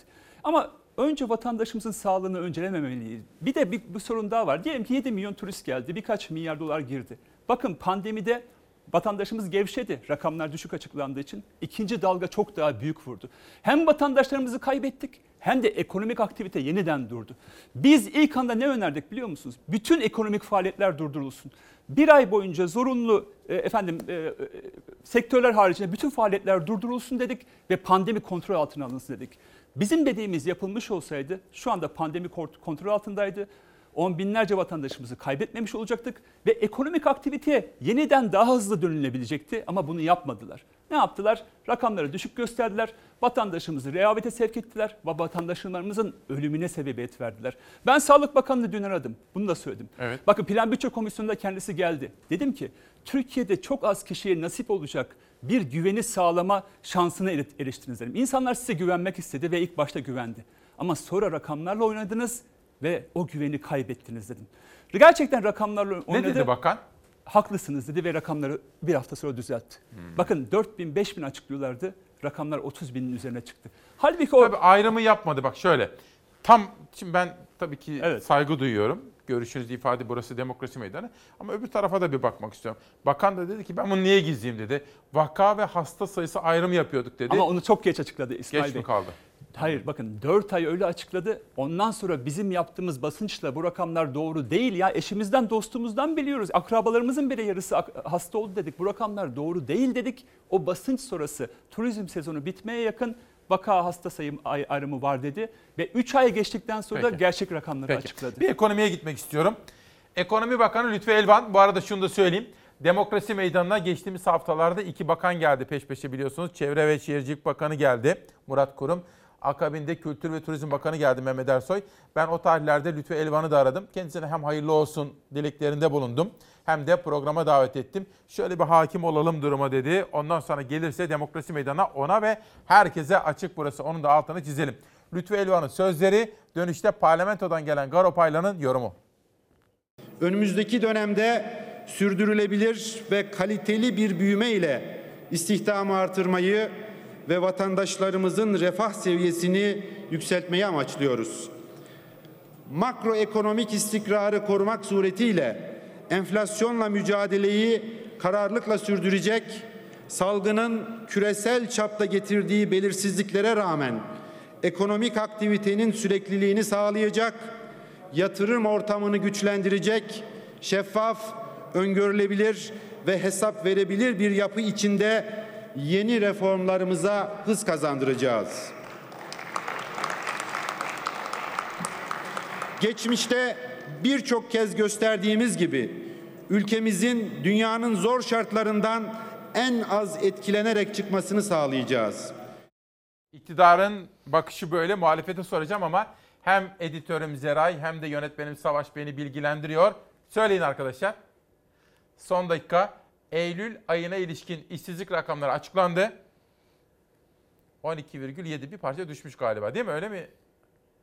1,1 düşmüş. Ben hani kafama ezberimde kaldığı kadarıyla bir miktar düşmüş gibi gözüküyor. Tabii TÜİK rakamları yani resmi rakamlara göre durum bu. Peki genç işsizlik nasıl arkadaşlar? İşte bakın burası kritik. Ben buna üzülüyorum. Şu anda bizi izleyen gençlerimiz var ya, biz onlara böyle pırıl pırıl bir ülkede umutlu bir gelecek sunmak zorundayız. Düşünün, resmi rakamlara göre. Dört genç düşünün. Hadi biz genç sayılmayalım artık daha. Dört genç düşünün. Dört gençten biri işsiz. Bakın bu tablo alarm zilleri çalıyor demektir. Ne dersiniz? İsmail Bey dört gençten birisi değil, iki gençten birisi Öyle mi? işsiz. Çünkü bunlar resmi rakamlar, resmi rakamlarda yüzde 25 gözüküyor. Bakın siz ne, dedi- ne dediniz? TÜİK'in aç- açıkladığı rakamlara Tabii, göre rakam. dediniz. Öyle değil mi? Ama şu anda Türkiye'de 4,5 milyon işsiz gözüküyor diye söylüyorlar. Ama Türkiye'de bizim tespitimize göre 11 milyon işsiz var. Ne yapıyorlar biliyor musunuz? Anket yapıyorlar. İş arıyor musun diye vatandaşımıza soruyor. Ben arıyorum diyeni işsiz sayıyor. Diğerlerini yazmıyor. Ama bakın vatandaşlarımız iş aramaktan umudunu kaybettiği için ben iş arıyorum demiyor. Şu anda Türkiye'de 11 milyon vatandaşımız işsiz ve gençlerde de özellikle üniversite mezunu gençlerde her iki gençten birisi işsiz. Korkunç bir durumdayız ama rakamlarla oynayarak hani Türkiye uçuyor diye gösteriyorlar. Az önce Lütfü Elvan'ı gördünüz. Reform yapacağız diyor değil mi? Şeffaflık diyor, öngörülebilirlik Ama yeni geldi diyor. daha. Bakın ama yeni geldi. İyi niyetli de kendisi Plan Bütçe Komisyonu Başkanı evet, biliyor musunuz? konuşuyordunuz çünkü. Ve bütçeyi beraber Evet. başladık. Evet. Bütçe komisyonumuzun başkanıydı. Bir anda damat bey gitti. Bir baktık Lütfü Elvan sabahında efendim e, ekonomiden sorumlu Ama bakan olmuş. yapmış birisi. Bakın niyetleri hal, iyi olabilir. Bunda hiç hiçbir sı- sıkıntı yok. Reform yapmak istiyorum diyor Evet. ama aynı sistemin içinde nasıl reform yapacağını söylemiyor. Bakın Selahattin Demirtaş'la ilgili yapılan hedefleme belli. De, hukuk devleti olmayan bir ülkeye kimse yatırım yapmak istemiyor bakın. Türkiye Cumhuriyeti vatandaşlarını esas alalım. Vatandaşlarımız hangi paraya yatırım yapıyorlar İsmail Bey? Diyor, bankadaki alıyor millet, ya bankadaki paraların yüzde 60'ı dolar. Bir de yastık altındakileri katarsak Altını da katın. altını katın yüzde 90'a varıyor. Yani Türkiye Cumhuriyeti vatandaşlarının tasarruflarının yüzde 90'ı ya dövizde ya altında. Kendi parasına güven. Bakın kendi paramıza yüzde 15, yüzde 16 faiz vermesine rağmen kendi parasına yatırım Bir yapmıyor. ilave yapayım. Dün gündem çalışıyorduk. Danışmanım dedi ki Nihal Kemaloğlu bana bir soru sordu. Sence dedi kaç kişinin yurt dışına parası gitti biliyor musun dedi. Rakamları verdi inanamazsın. Bakın Sadece bu Türkiye, söyle- Türkiye ya millet parasını götürüyor böyle ya bir şey. Türkiye'deki döviz kadar yurt dışında döviz var. Maalesef. Bizim değil mi insanlarımızın? Evet bizim vatandaşlarımız yurt dışında dövizleri var. Ya bunlar bir iki türlü var. Bir yolsuzluk paraları var. Bunlar biliyorsunuz kayıt dışı kazanılmış kara paralar var. Bunlar yurt dışında vergi cennetlerinde tutuyorlar. Bir sefer devlet bunları mutlaka hesabını sormalı. Bir de güvenmediği için Türkiye'deki bankacılık sistemi çökebilir diye yurt dışına paralarını götüren var. Yurt dışında yatırım yapanlar var. Oysa ülkemiz bir hukuk devleti olsa. Ya Türkiye dünyanın en güzel ülkesi. Tabii. En yaşanılır ülkesi. Buraya yatırım yap. Herkes yatırım yapmak ister buraya. Ama güvenilmiyor. Tek adam rejimine güvenilmiyor bakın. Erdoğan'ın kurduğu tek adam rejimine güvenilmiyor. Dün Rütük büt- bütçesini görüşülüyordu. Rütük başkanı oradaydı. Dedim ki siz sarayın bir sopasısınız. Ya saraydan bir talimat geliyor. Siz muhalif gözüken televizyonlara, Fox'a, Halk TV'ye, Tele1'e ceza kesiyorsunuz. Ne diyor biliyor musunuz Rütük Başkanı? Ben Sayın Cumhurbaşkanı talimat verirse bunu emir telakki ederim diyor. Ya Ha, Sayın- mü?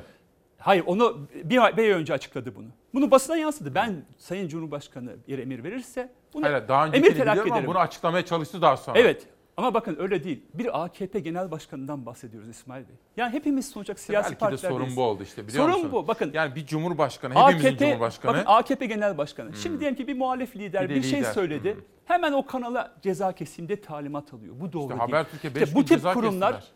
bağımsız olmalı. Tarafsız olmalı. Hepimizi korumalı. Yani yargı hepimizi korumalı. Meclis vatandaşın hepimiz. hakkını güven. Anladım. Rütük hepimizin. Yani hepimizin söz hakkını korumalı. Demokrasilerde olmazsa olmaz iki hak. Birisi söz hakkı, birisi de bütçe hakkı. Bunlar olursa sermaye gelir, Ya yatırım bakın, gelir. Önce Türkiye Cumhuriyeti vatandaşları hepimiz için huzurumuz ve refahımız için bu reformlar yapılmalı. Önce bizim için yapılmalı.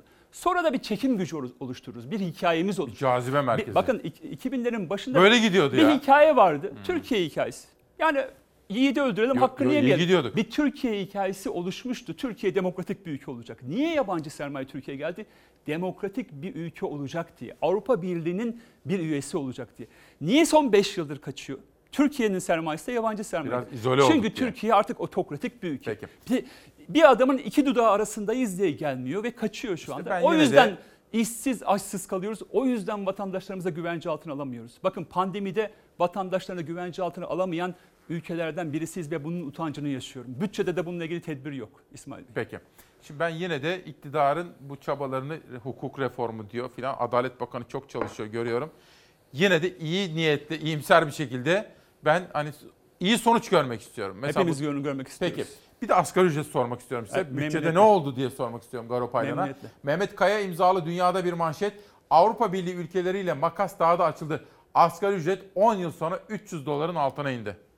Bakın asgari ücretle ilgili vatandaşımız hepsi yoksullaşıyor. Asgari ücretli zaten bir perişanlık üc- ücreti, bir sefaret ücretiyle karşı karşıya. İsmail Bey, 4 kişilik bir ailenin tenceresini kaynatması için yani yalnızca gıda için 2580 TL ihtiyacı var. Asgari ücretle 2320 lira maaş alıyor. Peki kira nerede? Asgari ücretle 1000 lira kira veriyor. 600-700 lira doğalgaz, elektrik, su, internet faturası veriyor. E ulaşıma para veriyor. Geriye 500 lira kalıyor. Ne oluyor? Gıdasından kesiyor. Çocuğunun ekmeğinden, etinden, yumurtasından kesiyor. Sağlıksız besleniyor. Asgari ücret biz bizim önerimiz vergiden muaf net 4000 lira olması gerekir diyoruz. HDP bunu mu söylüyor? HDP bunu söylüyor, bunun kampanyasını yapıyor. 4000 lira. Vergiden muaf net, net 4000 lira. Niye? Bir ailede iki kişi çalışırsa 8 bin lira elde etmiş olur. Ve kira gibi diğer e, ihtiyaçlarını da gö- görebilir ve yoksulluk sınırına ulaşabilir. Yoksulluk sınırı 8 bin TL'nin üzerine çıkmış durumda. Bu çe- çerçevede e, yoksulluğa ulaşabilir, yoksulluk sınırına ulaşabilir. Biz bir de niye bunu öneriyoruz biliyor musunuz, biliyor musunuz İsmail Bey? Şimdi esnaflar, kobiler diyecek ki ya arkadaş ben 4 bin lira maaşını nasıl vereyim? Ama herkes şunu bilsin, şu anda asgari ücret masasında oturuyorlar ya, işçiden kıstıkça aslında kendi ayaklarına kurşun sıkıyorlar. Niye biliyor musunuz? Çünkü işçi aynı zamanda o tüccarların, fabrikatörlerin ürettiği ürünlerin de müşterisi. Yani bir işçi düşünün karnını doyuramıyorsa çocuğuna nasıl ayakkabı alacak?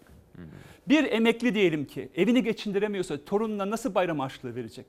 Veya bir işsiz hiçbir geliri yoksa nasıl markete gidip alışveriş edecek? İşte ekonominin çarklarının dönmesi için yoksullara doğrudan gelir destekleri verilmesi lazım. Bakın dünya bunu yaptı. Yani demokratik dünya bunu yaptı. Kaynakları olan güvenilir para sahibi ülkeler bunu yaptı. Ne yaptılar?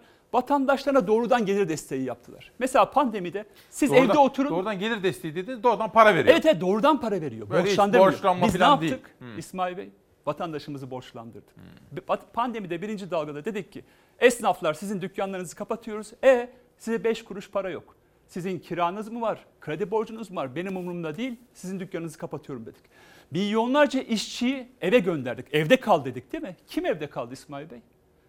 Zenginler evde kaldı. İşçiler çalışmak zorunda kaldı ama iş yeri kapatılan işçiler 5 kuruşsuz eve gönderildi. Dünya ne yaptı? Sen evde kal, maaşının %90'ı, %100'ü benim güvencemde dedi. Ben sana ödüyorum ve de doğrudan gelir destekleri verildi. Peki. Bir soru daha gelecek. Şimdi Garo Bey biz hangi görüşten olursanız olun görüşünüzü ifade etmeniz için her şeyi yaparız. Sizin için de MHP için de Türkiye işte- için bu. Türkiye için. Bizim şeyimiz bu. Bir de hayalini kurduğumuz ülke ülkede şöyle. Hepimiz sendikalı olalım, hepimiz örgütlü olalım. Demokratik haklarının bilincinde olan, anayasada yazılı hakları kullanma konusunda özgüveni olan, hiçbir korkusu olmayan yurttaşlar olalım. Amacımız bu. Çorlu'dan Utam Çorum mu? Çorum. Peki. Dün akşam ana haberde izledik de arkadaşlara mutlaka ben bunu sabah bir kere daha izletmek istiyorum dediğim haber. Çorum'dan sendikalı oldukları gerekçesiyle işten çıkarıldığını söyleyen işçilerimizin hikayesi. Fabrika seninse, emek de bizim, alın seni de bizim. Sonuna kadar da direneceğiz arkadaşlar. Anayasal hakkımız olan sendikaya geçmek istedik. Bu yüzden de şu an e, işçi kıyımı yapıyorlar. Sendikaya üye oldular, pandemide yasak olmasına rağmen işten çıkarıldılar. İşveren tarafından koronavirüs yasaklarının çiğnendiği yer bu kez Çorum'du. Emekçileri çıkarttı.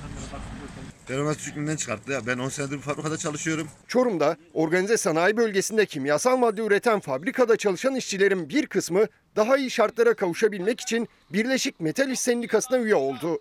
Sendika toplu iş sözleşmesi için bakanlıktan yetki aldı. Beraber tek yumruk halinde devam edeceğiz. Yetkimizi aldık.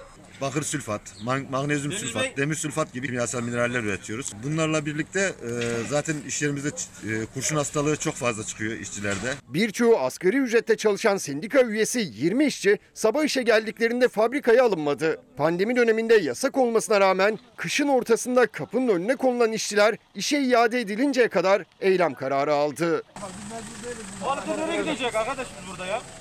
Bu anda yüzümüzü okutmaya çalıştık okumadı. Herhalde sendikaya üye oldum diye. Fabrikadaki diğer işçiler de arkadaşlarına destek olmak için iş durdurma kararı aldı. Fabrika önünde bekleyişlerini sürdüren 20 işçinin yanı sıra fabrikaya malzeme getiren kamyon şoförleri de mağdur oldu. İş yerinde eylem olduğu için onlar da içeri alınmadı. Geceyi fabrikanın önünde geçirdiler. Bizim günahımız ne yani? Yıkıp gidecek. Akşamda belli bekliyoruz. 10 kamyonu var. Hakkımızı arayacağız arkadaşlar, hakkımızı arayacağız. Sabah danışmanımdan gelen o bilgiyi bir kere daha söylemek istiyorum.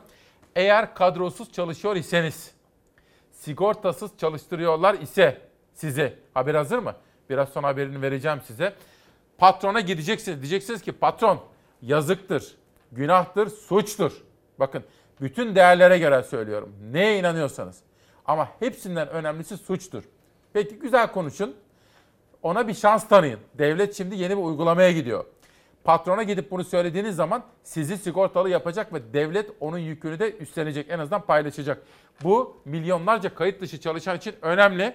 Haberi hazır ama önce ben Garo Paylan'a soracağım. Garo Bey, şimdi birkaç soru. Bir, kimisi diyor ki Cumhurbaşkanı yaptığı açıklamadan yola çıkarak biz bazı ülkelere bütçe desteği veriyoruz diyor. Hibeler, Tunus'a 5 milyon, oraya buraya filan diye böyle sorular var. Evde bakım teknikerleri, atanamayan sağlıkçılar, ziraat mühendisleri, öğretmenler.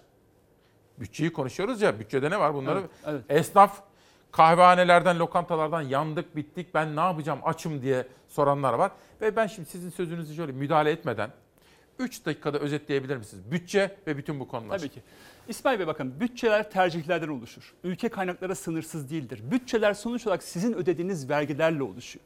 Biz vergileri sizden maalesef adaletsiz olarak topluyoruz. Bunu bir sefer söyleyeyim. Çalışanlar bütçeyi, e, vergileri ödüyorlar ve bunlar adaletsiz toplanıyor. Ama harcama bölümüne gelelim.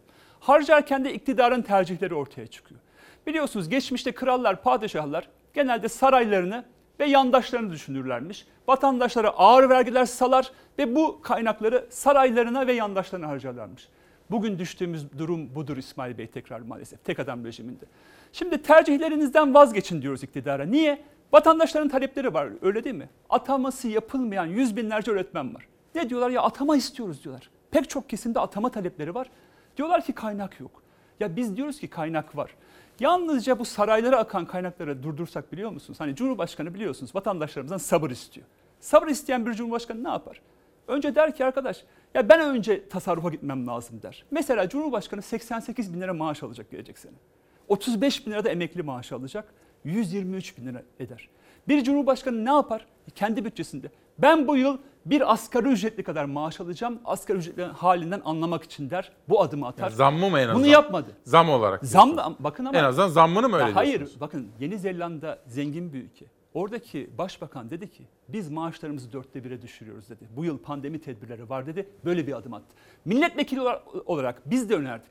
Ya niye bir milletvekili 25 bin lira maaş alıyor? Şimdi 25 bin lira mı maaşınız? Evet maalesef. Ya bakın ben maaşımın büyük bölümünü gerçekten e, bu bu anlamda yoksullara harcamaya çalışıyorum. Niye? Onların halinden anlıyorum ama bu bir haksızlık. Yani niye asgari ücret 2500 lirayken bir milletvekili 25 bin lira maaş alsın? Bir tasarruf yapılacaksa önce Cumhurbaşkanı yapmalı, milletvekilleri yapmalı. Bakın Cumhurbaşkanı'nın 14 tane uçan sarayı var. Ben Cumhurbaşkanı olsam ne yapardım Ama biliyor onlar musunuz? Cumhurbaşkanı değil ki canım devletin değil mi Ama onlar? yapmayın. Şimdi Niye? mesela Dev- bakan gidecek ama, bir şey ama, gidecek. Ama yapmayın. Meksika devlet başkanı ne yaptı? İlk geldi uçağını sattı. Tarifeli uçağa biniyor. Türkiye'nin Türk Hava Yolları her yere uçuyor. Değil mi? Bir cumhurbaşkanı da tarifeli uçağa binebilir. Bir tane tutsun bari çok acil durumlar için. Niye 14 tane uçağı var Cumhurbaşkanı?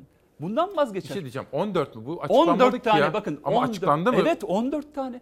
Resmi kayıtlı Cumhurbaşkanlığına bağlı 14 tane uçak var. Bakanlar her gün oraya buraya uçuyorlar. Kıbrıs'a gittiler biliyorsunuz 4 tane ayrı uçakla gidildi. Niye bu? Nedir bu şatafat? Ya vatandaş aç açıktayken, esnaf aç açıktayken nedir bu şatafat? İşte bunlardan vazgeçmek lazım. Ataması yapılmayan öğretmenler var mesela. Ya dedik ki 200 bin öğretmeni atayabiliriz. Nasıl? S-400 füzesi mesela. Depoda çürüyor değil mi? Ya siz bir televizyon bile alsanız değil mi? Bir para veriyorsunuz. Fişini takar çalıştırırsınız. 2,5 milyar dolar verdik. 1,5 yıldır depoda çürüyor. Ya diyoruz ki bunu kullanamayacaksınız zaten. ABD ambargo vururum diyor. Zaten ülkemizde füzeler var. Bu anlamda bunu iade edelim. 200 bin öğretmen atamasını yapalım diyor. Veya emeklilikte yaşa takılanlar. Peki. Bunların talepleri var. Bunlar karşılanmıyor. Niye biliyor musunuz İsmail Bey? Bakın esnafların talepleri, işçilerin talepleri. Çünkü saraylara, yandaşlara, faize giden kaynaklardan vazgeçilmiyor. Bu yandaşlara giden ekonomiden yani yüzde birin bütçesinden vazgeçmediğimiz sürece de bütün vatandaşlarımız bilsin. Peki. Halkın talepleri bu bütçeye yansımayacak. Biz bunun için mecliste mücadelemizi sürdürmeye Sayın devam ediyoruz. Paylan Demokrasi Meydanı'na geldiniz, katkı verdiniz, katılım verdiniz. Teşekkür ediyorum. Ben Sağ teşekkür olun, var olun. Şimdi az evvel son dakika olarak vermiştim. Benim rahmetli babam da ömrünü mahkeme salonlarında geçirdi. Çorbacıydı, garsondu, işçiydi. Bir ara itfaiye erliği yaptı. Sigortası şöyle çalıştırıyorlardı. 20 gün sigortalı, 10 günü kaçak. Babam bunu öğrenir öğrenmez o işten ayrılıyordu. Hemen Çalışma Bakanı müfettişine gidiyordu. O sayede emekliliğine kazandı. Arkadaşlar hakkımızı kimseye yedirmeyelim.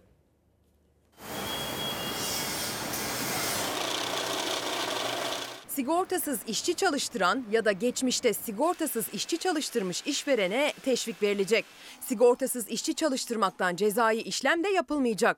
Eğer sigortasız çalışanını sigortalarsa ya da işe sigortalı bir şekilde geri alırsa. Alacakların yapılandırılmasına yönelik kanun içinde istihdam teşvikleri başlığı altında yer aldı düzenleme. Hem sigortasız çalışma mağduru olan işçi için hem de sigortasız işçi çalıştıran işveren için haber. Sigortasız işçi işverene başvurup sigortaya geçmek istediğini bildirdiği takdirde devlet sigortaladığı işçi başına işverene 1324 lira destek verecek. İşveren sigortasız işçi çalıştırmaktan uygulanacak cezadan muaf hale gelecek. Geçmişte sigortasız çalıştırılmış işçiler de sigortalandırılarak tekrar işe alınırsa yine devlet desteği alabilecek işveren. 1 Ocak 2009 ile 17 Nisan 2020 tarihleri arasında sigortasız çalıştırılmış ve işten çıkarılmış işçiler için durum aynı. Sigortasız çalıştırıp işten çıkardığı işçiyi bu yıl işe geri alırsa işverene yine aynı destekleme ödemesi yapılacak. Bu koşullar altında işten çıkarılanların sene sonuna kadar aynı iş yerine başvurmaları gerekiyor. Başvurular 1 Aralık 2020 tarihinde başladı. 31 Aralık tarihine kadar da devam edecek. Hemen editörümüze araya rica edeyim. Yarına bunu manşet yapalım biz. Bu çok önemli konuyu. Garo Paylan'a da bu Çalar Saat hikayesini armağan etmek isterim. Bugün anısına imzaladım, yazdım. Size bir özel not yazdım. Çok, çok teşekkür Takdir ederim. etmek isterim. Çok teşekkür ederim İsmail Bey. ediyorum. Biz de halka bütçe için mücadele etmeye devam edeceğiz. Meclise geçiyoruz. Teşekkür Başarılar ederim. diliyorum. Sağ Sağ olun. olun.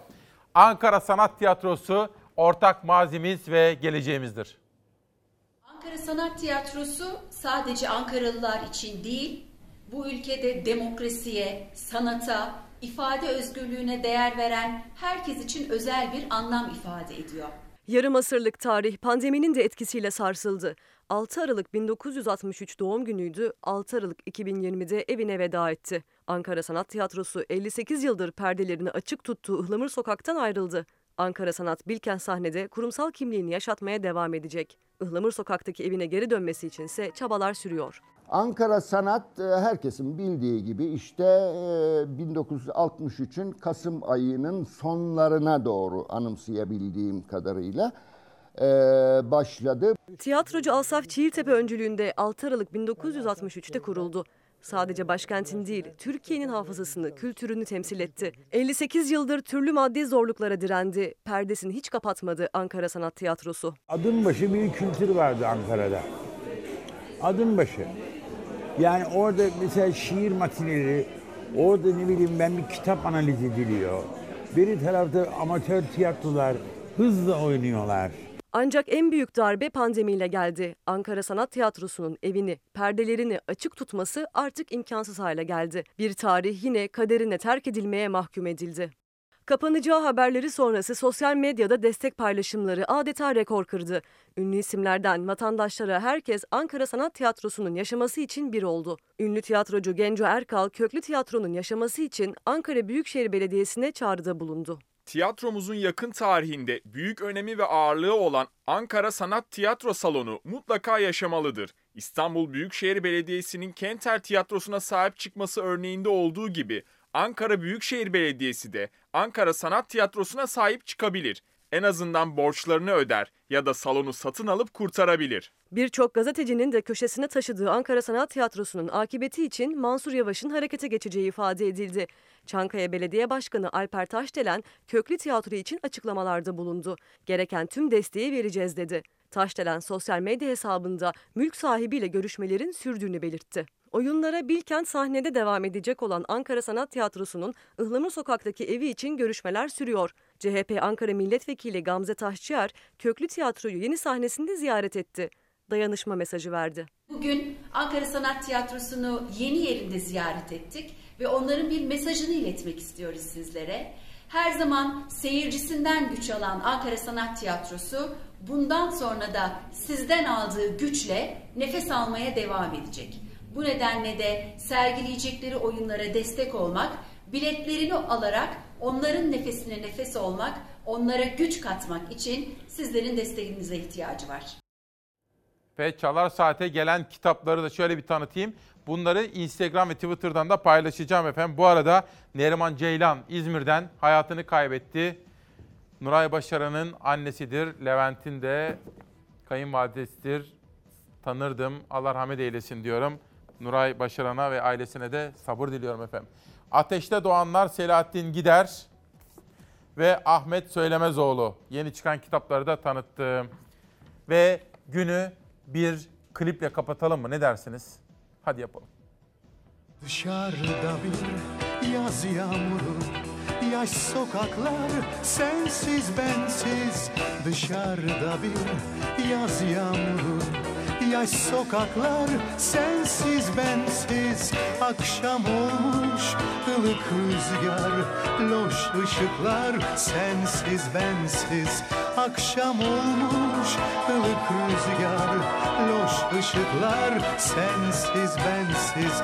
Bir masalmış geçen yıllar Kaç yaprak var elimizde? Aşk bir rüyaymış uyandık Adı kaldı dilimizde. Bir masalmış geçen yıllar Kaç yaprak var elimizde. Aşk bir rüyaymış uyandık Adı kaldı dilimizde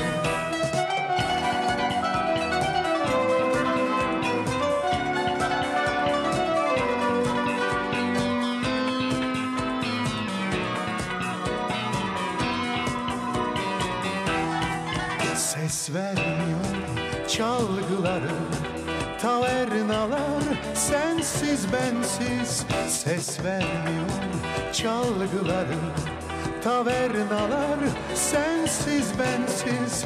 Masamızda yabancılar Hatıralar sensiz bensiz